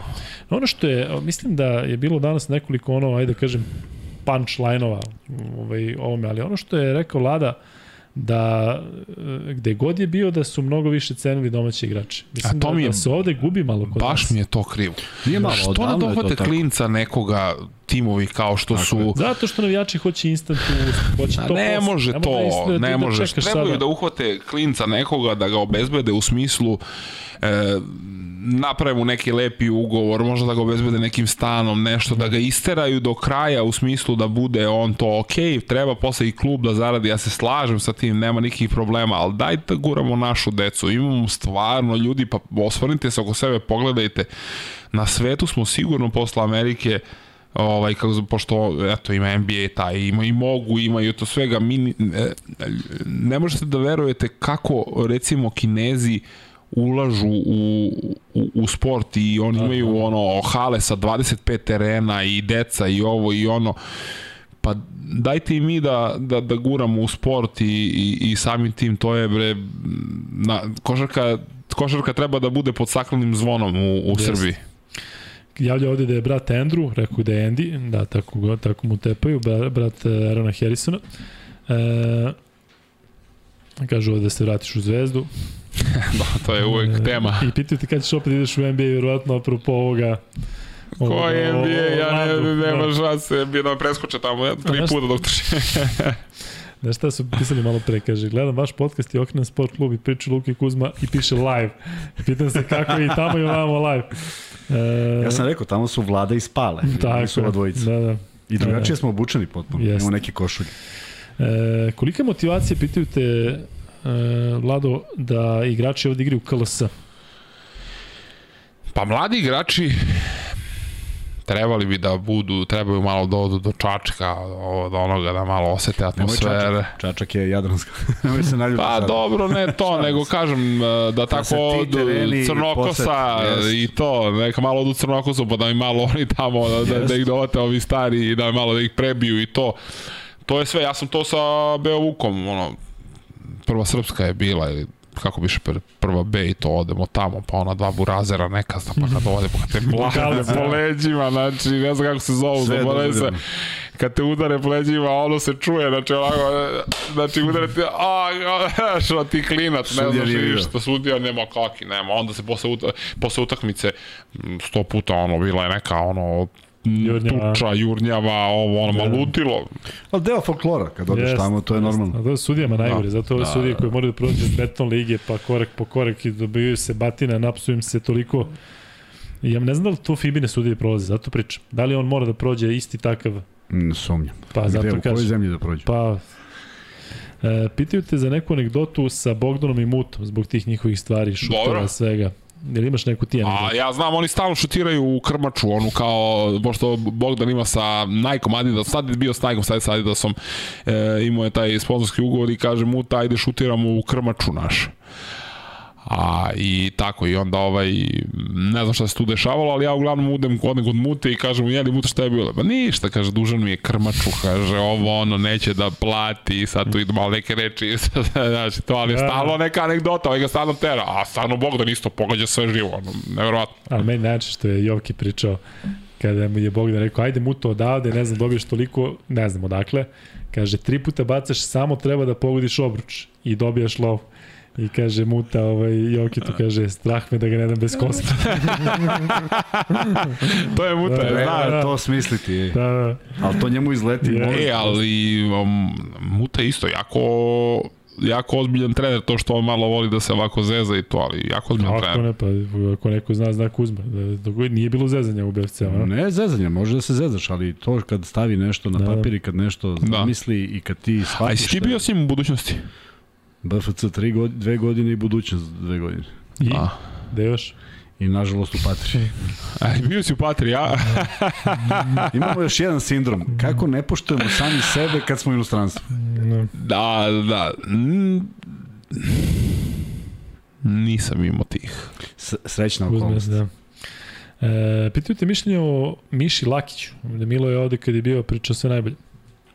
Pa dobro, ja isto mislim sve najbolje. Miša je ono sinonim za Beovuk. sinonim za. Beovuk, za, izlač, za izvlačenje igrača, za one da te nauči da, da, da budeš i drzak i ovo i ono i Znam to da sve. prepozna baš talent, priča Pa da- znao je da, kako, da vidi odmah. pa zna i dalje, mislim, Da. da. živ zdrav čovjek, hvala Bogu, Da, da, da. da. naravno da zna i dalje. E, ti, si, ti nisi ni zakačio Vanju Gušu uopšte u Beovuku? Ni u jednom? Nisam, Nisi, na, da. ne, e, nije, Milorad Janković je meni bio trener, ovaj, Pogača. Da, da. On mi je bio trener, a e, Guša je bio tad sa mlađim selekcijama Beovuka. Da. E, ispucali smo sve free betove, tako Kuzma? Mm. -hmm. Jesmo. Burik, Burik mi je bio poslednji, tako? e, sad te ovde nešto pitaju za Kinu, što ću ti reći posle, Da, kad se da. završi. Stane, Da, da, mogu da. da zamislim Da, šta je, da, znači možeš jedina stvar koja može da bude. Da, sad kažu Crnokosa, druga srpska prijatelju danas. Da, da, propali su i otišli daleko. A evo Nikola Radosavljević javlja da se KLS i ABA u Čačku igra sledeće godine. Šta da se, KLS? I KLS i ABA, što će reći Borac i Čačak 94. Dobro, lepo, neka. Tako da imaju dva ekipa, Super. dve ekipe iz, Ono što nam je Lončar pričao, daj Bož da je u Kragovicu tako ono što znaš da je bio Kragovac, 1-9, a, 4, Jeste, a, a, ima, pa da ima da. više opcija, pa da bar neko iznedi. Štimel si išao i u Stevan Dukić osnovnu školu. Ne, Da znam došlo pitanje. Stevan Dukić je gore. Da, Danteovoj ulici. Danteove, da. evo ih opet. E, Karaburma, klan. Iznad, iznad, iznad Beograda, klan, iznad, da. iznad mog prvog kluba. Da. E, pitaju te stalno, konstantno te pitaju o Zagorcu. Mišljenje. O Radetu. Da. Pa, ja sam, ne znam, bila je ono neka priča kad je on ono iz uh, Mege, ja mislim da je, da je izlazio i onda je bilo da li će u Partizan, da li će u, u Zvezdu, ne znam šta je bilo na kraju, na kraju je bio ono reprezentaciji, ne znam šta se posle izdešavalo. Da, evo pitaju ovde da li našo klub, ja koliko znam nije. Ali Ne znam. mu da ga nađe što pre. Želim mu sve najbolje. Da. E, imali peckanje u reprezentaciji na relaciji Zvezda Partizan? I ne toliko. Ali vi- više zezanja. Tako. A ima samo malo zezanja to, ali to su sve prijatelji. Naravno. To, to. Ok, teren je teren, jedno, što tad se ono, hoćeš da pobediš, ali Priča smo ja i Kuzma stalno prošle godine kad je bila ona drama sa navijačima i kad je bilo sve ono što se dešavalo, onaj kvazi show oko terena, koliko su igrači u stvari na terenu, izgrle se, izljube se Naravno, u celom pa, onom ljudi grotlu. koji se znaju, druže i da. viđaju i Pa da, mi sedimo zajedno, pijemo kafu, mislim šta sad prolazili treba. kroz različite selekcije, sve su to igrači koji su na neki način, većina njih, dokačili reprezentaciju u ovom ili onom kontekstu Tako je. Znaš, ti, ti tu najširu sliku možda dobiješ kada prođu one u 16, 18, 20, pa se u univerzitetskoj nađu različita godišta, je tako? Da. Nije tu jedno godište kao što je bilo do, do tog momenta. Pa onda kad uđu u seniorsku, pa svašta ima da se njihovi putovi prepliču i sad oni zbog toga što igraju finale treba da budu nešto što, što, što, što, što treba traje 40 minuta i da se posle nastave, nastave svoje živote i da se druže i diže se tu malo, malo, mnogo, malo više. Prašina nije oko čega. Ima mnogo dobrih fora i mnogo dobrih ovih komentara, ne može da se sve ide. Ali slušaj, ovo, Štimara, ma kakvi američki kulači, soft cookies ili šta već reče, ako zaglaviš slučajno u Zaječaru, kaže žena da mi se javiš, spremit ćemo omanje brdo kolaca, kolača, na svaku... Pagi kolac, da. A možda i kolac. Može neki kolac da bude i tvoje neko kilo. prase na kolac. Na svaku tvoju kilu idu 2 kila kolača. Kolac, Uh. da. Možda posle karijere, a? Možda posle kada, ali, ali ja sam zahvalan. Me- Meni je to drago. E, putujem dosta kroz Srbiju, odem i po nekim selima kod svojih ovih nekih prijatelja i to. I stvarno, ljudi su stvarno takvi da Jeste, iznesu i da te da. pove, da, da Jeste. dođeš da popiješ i rakiju i ovo i ono i domaćini su i stvarno onako prelepo je. Uh, kad se vratim, stvarno volim, ono, dosta provodim vremena u, pos, u poslednje vreme. Idem sa, idemo na, na kop, pa tamo, pa Jošanička banja. I to i tako, volim, ono, ljudi su stvarno kako kažem, ono, prirodni, lepo, lepo ti bude i da Tako je. popričaš i ovo i ono i to. I ne, dosađuju mnogo da te ispituju nešto neprijatno što ti da pričaš, nego onako ljudski da sednu da Spontano, popričaju da. spontano, da, lepo je to. E, nikad više pitanja, sad je krenulo, dakle, serija, Da, ne nikad iđemo. Da se sećaš Petra Torlaka iz Bevuka? Da. E, idemo dalje. Mišljenje o Bijelici, kako vidiš njegov povratak u Evropu? Mislim da je to odličan potez uh, Fenerbahčeja što je uspio da ga dovede. A njegov? E, isto mislim da je super. Uh, Belić, je tu, Belić je tu da bude glavni igrač, mm, podsticač, mašina, e, glavni šraf i on je onako, steko je to neko još iskustvo, igrao je vrhunski u, u, u Evropi, bio je MVP kad je otišao. Ali menja mu se sad uloga, ipak je i zbog godine i zbog svega. Ne, Nema to nikakve sada- veze, Beli je odličan, on je veliki, ovako može da pogodi, može da dribla loptu, Kad ti delo da zna. nedostaje o reprezentaciji ovoj? Da, Baš, de, ma kako nije? da, posebno četvorka nekako. Kako nije, kako nije, on je baš nedostaje. E, mišljenje o Neši Iliću. Da li može neko Pa da ne, kaže nešto loše o? Ma šta kažeš loše Pa, Nešilić? ne, kažem da je sad Neši Ilić... Ko kaže loše Nešiliću da Tako ga stave u top i da ga lansiraju ono. Ovaj Neša Ilić je nesvakidašan lik čovek koji zna u svakom trenutku kaže šta treba da kaže, da malo podigne, da ovo, da ono, da onda stavi kad je ozbiljnost, ima i toga isto. Da. Svega, tako da Neša je baš ono, on treba ceo život da bude u, u reprezentaciji i, i, i u zvezdi, on je čovjek pravi za to, treba da ono kad ga, kad ga ne bude više bilo, kad bude bio stariji u smislu da više ono neće čovjek da radi, ima da ga prave od blata. E, da li si pratio FK Beograd preko puta osnovne škole Stefan Dukić gde im je stadion? Jesam. Pa igrao sam tamo, trenirao. Kako? Ja sam igrao futbol tamo. Eto. Mislim, ja igrao futbol. Jeste. Kad sam došao na trening, tamo ovi kao, nećeš ti da, da, da igraš futbol i koliki si. Pitaju te da li si kupio Jokitu najlepše želje za silne asistencije, zato što Joki ovde rekao, kaže, nikom ništa nisam tražio, samo 100 grama najlepših želja. Jesam. Jedini si onda, žalio se kako od ovih Amerikanaca... Ja sam ga, ja sam ga ispoštovao. Ne. E, pitaju te, kada bi sad morao da čuvaš Jokića, kakva bi ti, bi, kakva bi ti bila taktika? Pa ništa, napravio bi pet faulova i pokušao bi da ne da nijedan koš i izađe napolje, barem ono pošteno. Je, I odradio i šta odradio sam šta, to je 3-4 minuta, ali eto nije ga dao. Vanja, ajde samo klimni glavom, hoće li biti igra, ikad igrač od Zajana Williams? Williams. Od Zajan, da li će ikada postati igrač? Biće. Biće samo malo skrati da probuši kašiku, Da. ali neverovatna atletika. Koliko potpisuje? 200 i nešto? Tako. Neka, ne treba. O, kitili ga. Da, da. E, pitaju da li je bolji američki tim protiv kojeg si igrao 2014 ili 2016? Uh, Ali 2016 do vremena. 2016. Da. E, šta je bilo s Dragićem na kraju meča protiv Slovenije? Uh, sa mnom. Da, da. A ja sam pokušavao na sve moguće načine da ga smaknem, da ga dekoncentrišem, govorio mu, ma ti treba da igraš za Srbiju i ti si iz Je, ti Srbije. zamerio? Ne, ne, ne, Dragić, super. Ne, ali na kraju nešto delovalo da je možda bio onako... kao- Ne, ne, ne. To je okej. E, koliko je Branko Lazić bitan šaf za zvezdu? Najbitniji. Da, meni neko delo da je nemoguće da Lazić ne završi karijeru u Zvezdi. Možda zamisliš ti Kuzma sada. Ja ne Lazić, mogu. Lazić kao sad. Ja sam čuo da je bila neka priča pre 3-4 godine da je trebao tipa da ide nešto kao lokomotivu i to i, Jeste, jeste bila priča. i onda su ga samo vratili, ono Da. kao, maš. Ja mislim da on treba da bude sledeći neki ono, funkcioner u Zvezdi. E, pitanje za Štimaru, Kobe ili Lebron? Ja volim Kobija. A gde si bio kada si čutao za Kobe? To je uvek pitanje za naše U Turk. Telekomu bio, išli da igramo utakmicu u autobusu i ono kao Kenny Gabriel kao brate, kao ne mogu da verujem kao umro Kobi, kao rekao molim. Pa daj, rekao nemam Da, da, uvek zajebaš. si pomislio Majok, to je neka Aj, bre, rekao, da. debili, ono lupa i to, Da. i ono, kreće, ono, sa, da je bilo u Kalabasasu, ovo, ono, da, da, da, da, da. Mislim, Kobi, Kobi, znaš zbog čega? Zato što Kobi, Lebron je stvarno dominantan i sve, ali Kobi je neverovatan bio. Da, neverovatno i sad kad pomislimo ovaj, šta je gde, ali Radmanović koji je sa njim igrao, koji ima zaista odnos kad nam je pričao, kaže vozi se nešto, isto mu tako javlja neko, javlja mu njegu šta je rekao sestrić. E, I kaže, znaš, ne može, ne može da se povere. E, Kuzma, moramo ipak da bar malo vremena posvetimo ovim polufinalima. Lju- Ljudi traže da bar nešto kažemo, pričamo toliko Ajde, o podcastu. Biće sutra pol, dva Ajde, polufinala. biraj, biraj jedno i u par rečenice. Ko ćeš? Ko igra?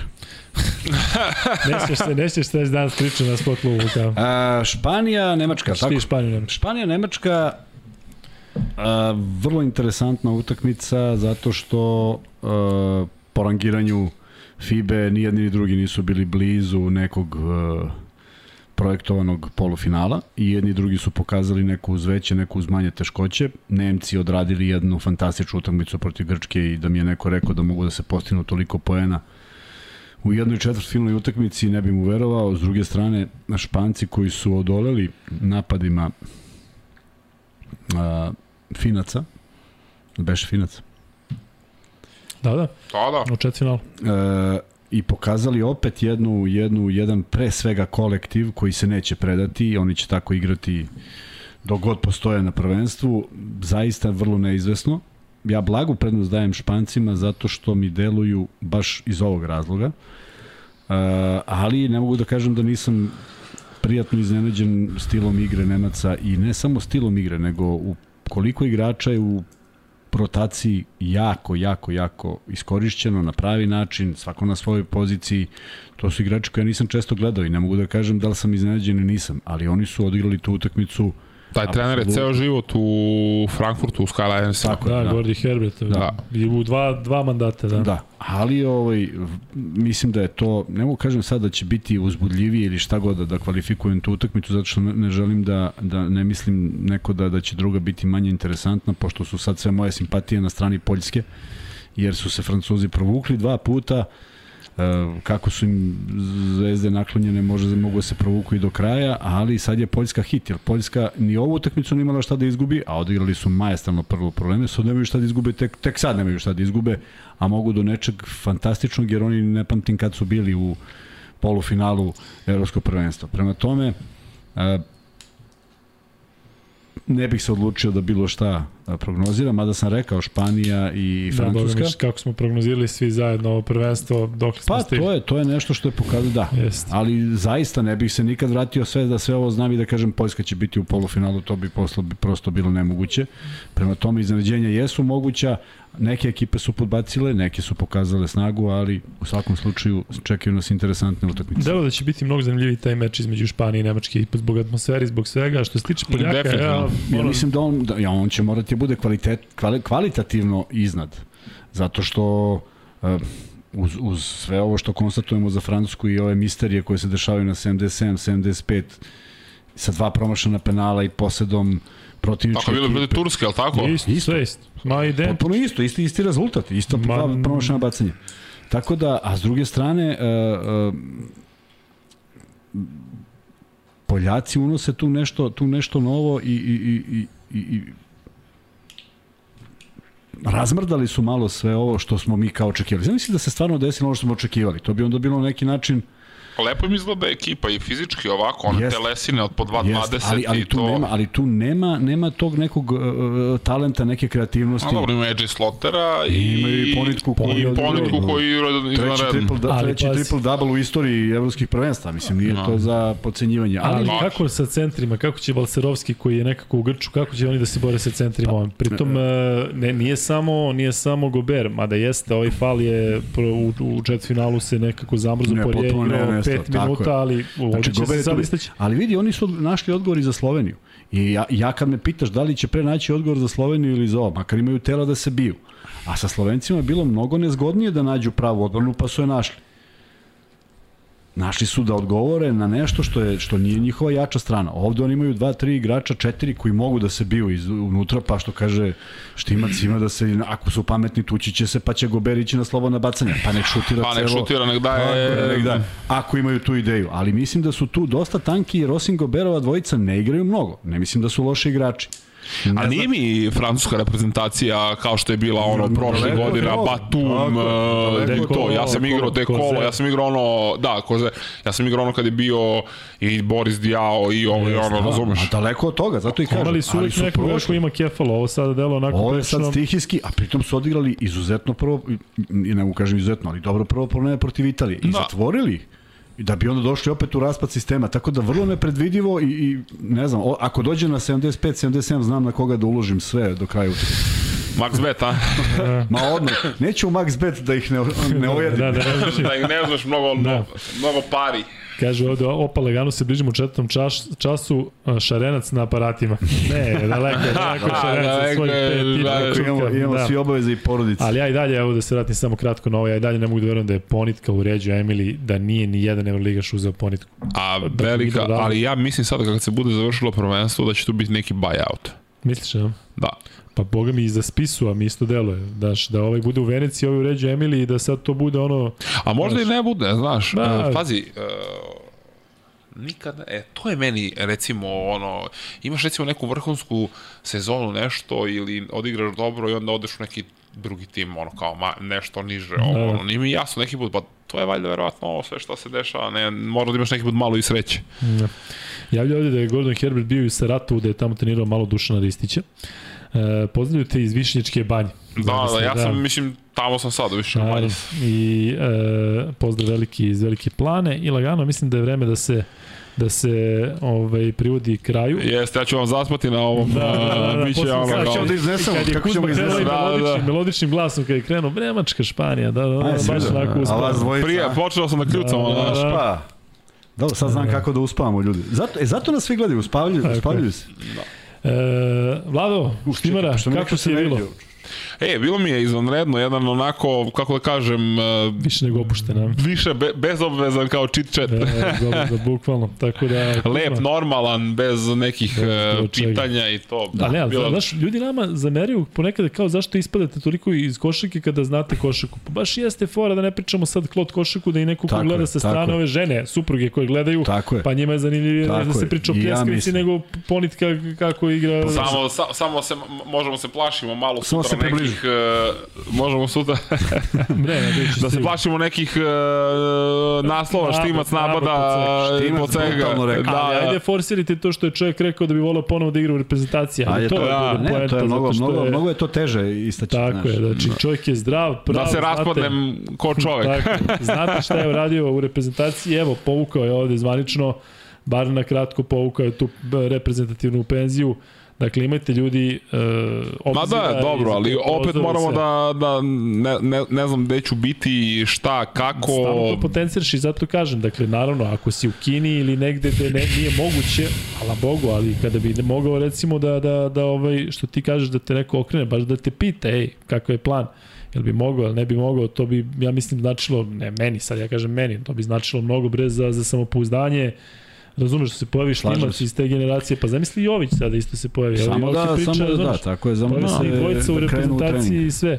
Zato što on rekao, naravno, daj Bože da potpiše za neko ligaš ili negde, ali on je rekao da je Skarijan pričao da preskoči evropsko prvenstvo da bi se skroz ovaj, ono, dakle idu ti prozori. Ko, pot- Jovke? pot- Da. Aha, nisam Dakle, ne, dogovor je bio da preskoči evropsko prvenstvo i da Te postoji je idemo dalje. pisao negde. Nije nigde, još uvijek, koliko sam vidio. E, dobro, to bi bilo to. Kuzma još jednom za majice. Vanja, E, majice ima su link, na ima majice sve. su da stavljen je link na o, na sve. ovaj ispod ispod e, o, ispod epizode ispod opisa. Uh, Vlado, hvala ti puno zato što smo mi smo očekivali ovako jedan razgovor. Ah, hvala i vama. Uh, Drago nam je što si podelio neke stvari koje su mene bile fantastično interesantne. Eto, Yes. ja, ja, ti, ja ti dolaziš kod nas u goste, ja ne znam da, si, da smo išli u istu školu, do duše dve, tri godine razlike. Razlike, godinu dana. Da, da, da. Doduše godinu dana razlike. Kad je Stari- stari osmi, senior. Ti si krenuo Ti si- prvi. ti- da, on se sam rodio, on se da. rodio kad je Da. Kuzma završio. Da, da.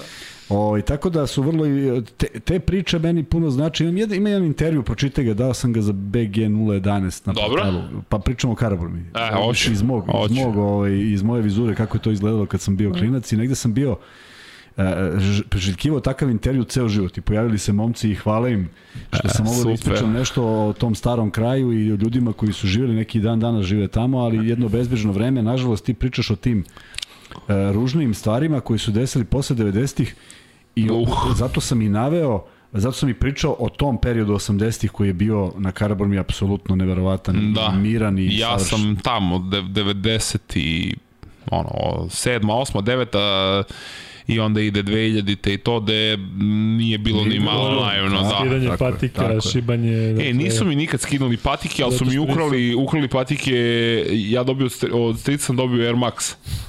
I Pa to- dođem na, i dođem na ovaj, kako se zove, na fizičkoj skinem i to odemo dole da ovaj kako se Nema, naravno. fizičku vratim se nema brate. Ne, nama, meni nikad nisu skinuli patike zato što ja nisam čak imao ni one e, ne Ribok i prvu imitaciju, ne Reubak, nego Reubac sa A Č znaš na ko, znaš da, ko sam ja tako nosio? da. E, nosio sam, uh, znaš sam u kamel. One, Da, da. E, nosio sam kamel i uh, kamel i trenerku u razred dođem ja u školu i kao aj bre, ljak se bre, šta će ti kako nosiš trenerku i cipele, reka aj boli mi ovo, pada sneg, mene baš briga. I znaš kako su te kamel mi se odvojile ovako. I ja idem i vidim, ja rekao, aj, nema veze, malo idem, ja joj, kao vidi, ja, kao jesi ti gladne, kao cipele, malo, i to meni, ono, se sevam, mene bilo baš briga, dođem nosilo, kući, da. dođem kući, onaj smrt lepak, lepo, opa, I ko nove. o, nove, nosio sam ih ono i za I još i futbal, i za... bolje, još i bolje nego... Ma no, veruj mi, igrao sam u njima i futbal i košarku, išao u školu i vraćao se sve živo. Super mi je bilo. Ne, meni je ovaj, e, sad ovo ja četvrti razred, sad kao košar, kao, a, i sad jedan osmak koji me dobro zna, sad kaže, ej, nemoj da ideš tamo, tamo skidaju patike i dobit ćeš batine i sve. Ja rekao, me nema veze, kao, i on kaže, nemoj bre, si lud. I pogleda mi, pogleda mi dole a, Reubak patike i, Idi i, slobodno. slušaj, i hike čarape. kaže, slobodno cepi, kaže, nema može. A, a, a Abidas? a, pa sve. a, sve. Abidas je... Abidas i Abibas. Čekaj, lepo izgledalo, znaš, lepo. Pazi, a, a, Air, Air, Air Wax, e, na, na ovoga, da kupio mi čale, e, Air Wax, e, Nosilo znaš se one, sve. e, ali Da, da, oni da, nemaju, e, oni Da, imaju nemaju- one plastične tako, i to, i ja posle, ono, četiri dana vidim ja i ja gledam ono i puklo, ja pipam ono plastika. Da, da, nema, nema vazduha da izađe. Pa da, da.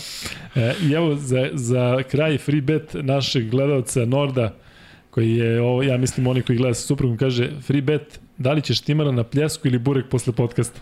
Laku noć. Tako kaže čovjek. Tako Štimara ide da biti ništa. spava, ne ide. Štimara ništa Da, posle da. osam. E, hvala na još jednom ovaj, uzbudljivoj epizodi sa velikim brojem gledalaca i da, rekao sam ono za prodavnicu, nađite Infinity Lighthouse. Ne, ovde svi pitaju, ali mislim da se sprdaju, kaže imate mnogo lepe majice gde mogu da kupim, a ja se vremena pričam, dakle imate link ispod, za link Infinity ispod i da Lighthouse birate shop. boje i da birate veličine, naravno nema Tako ih neograničeno, tako da ovaj, požurite. I možete bilo gde, za svuda se šalje, tako da, Da, bez briga. da, da Vi koji ste u Beogradu možete ste. dođete u Svetogorsku 46 Što je bilo najlepše, da, tako. da, da kupite. Tako da, ljudi, uživajte. Vlado, hvala ti još jednom, pa se nadam se da se vidimo. čast mi je bila, hvala vama, Tu smo. tu smo. Uživajte, 72 je gotova, 73 sutra vanja posle, bre, boga mi oko ponoći, a? Ajde, u najboljoj varijanti oko ponoći. I dolazi štimac ponovo. Tako je, da. da, da, da ga do, do, dovršimo, nemojte Da, da. ljudi, ono, ja već sam trebao da legnem pre dva sata. Pa tamo legneš u osam i To je od njegovo skoro vreme. dođeš, Da, da, da. da. Vidimo se, pozdrav. Prijatno.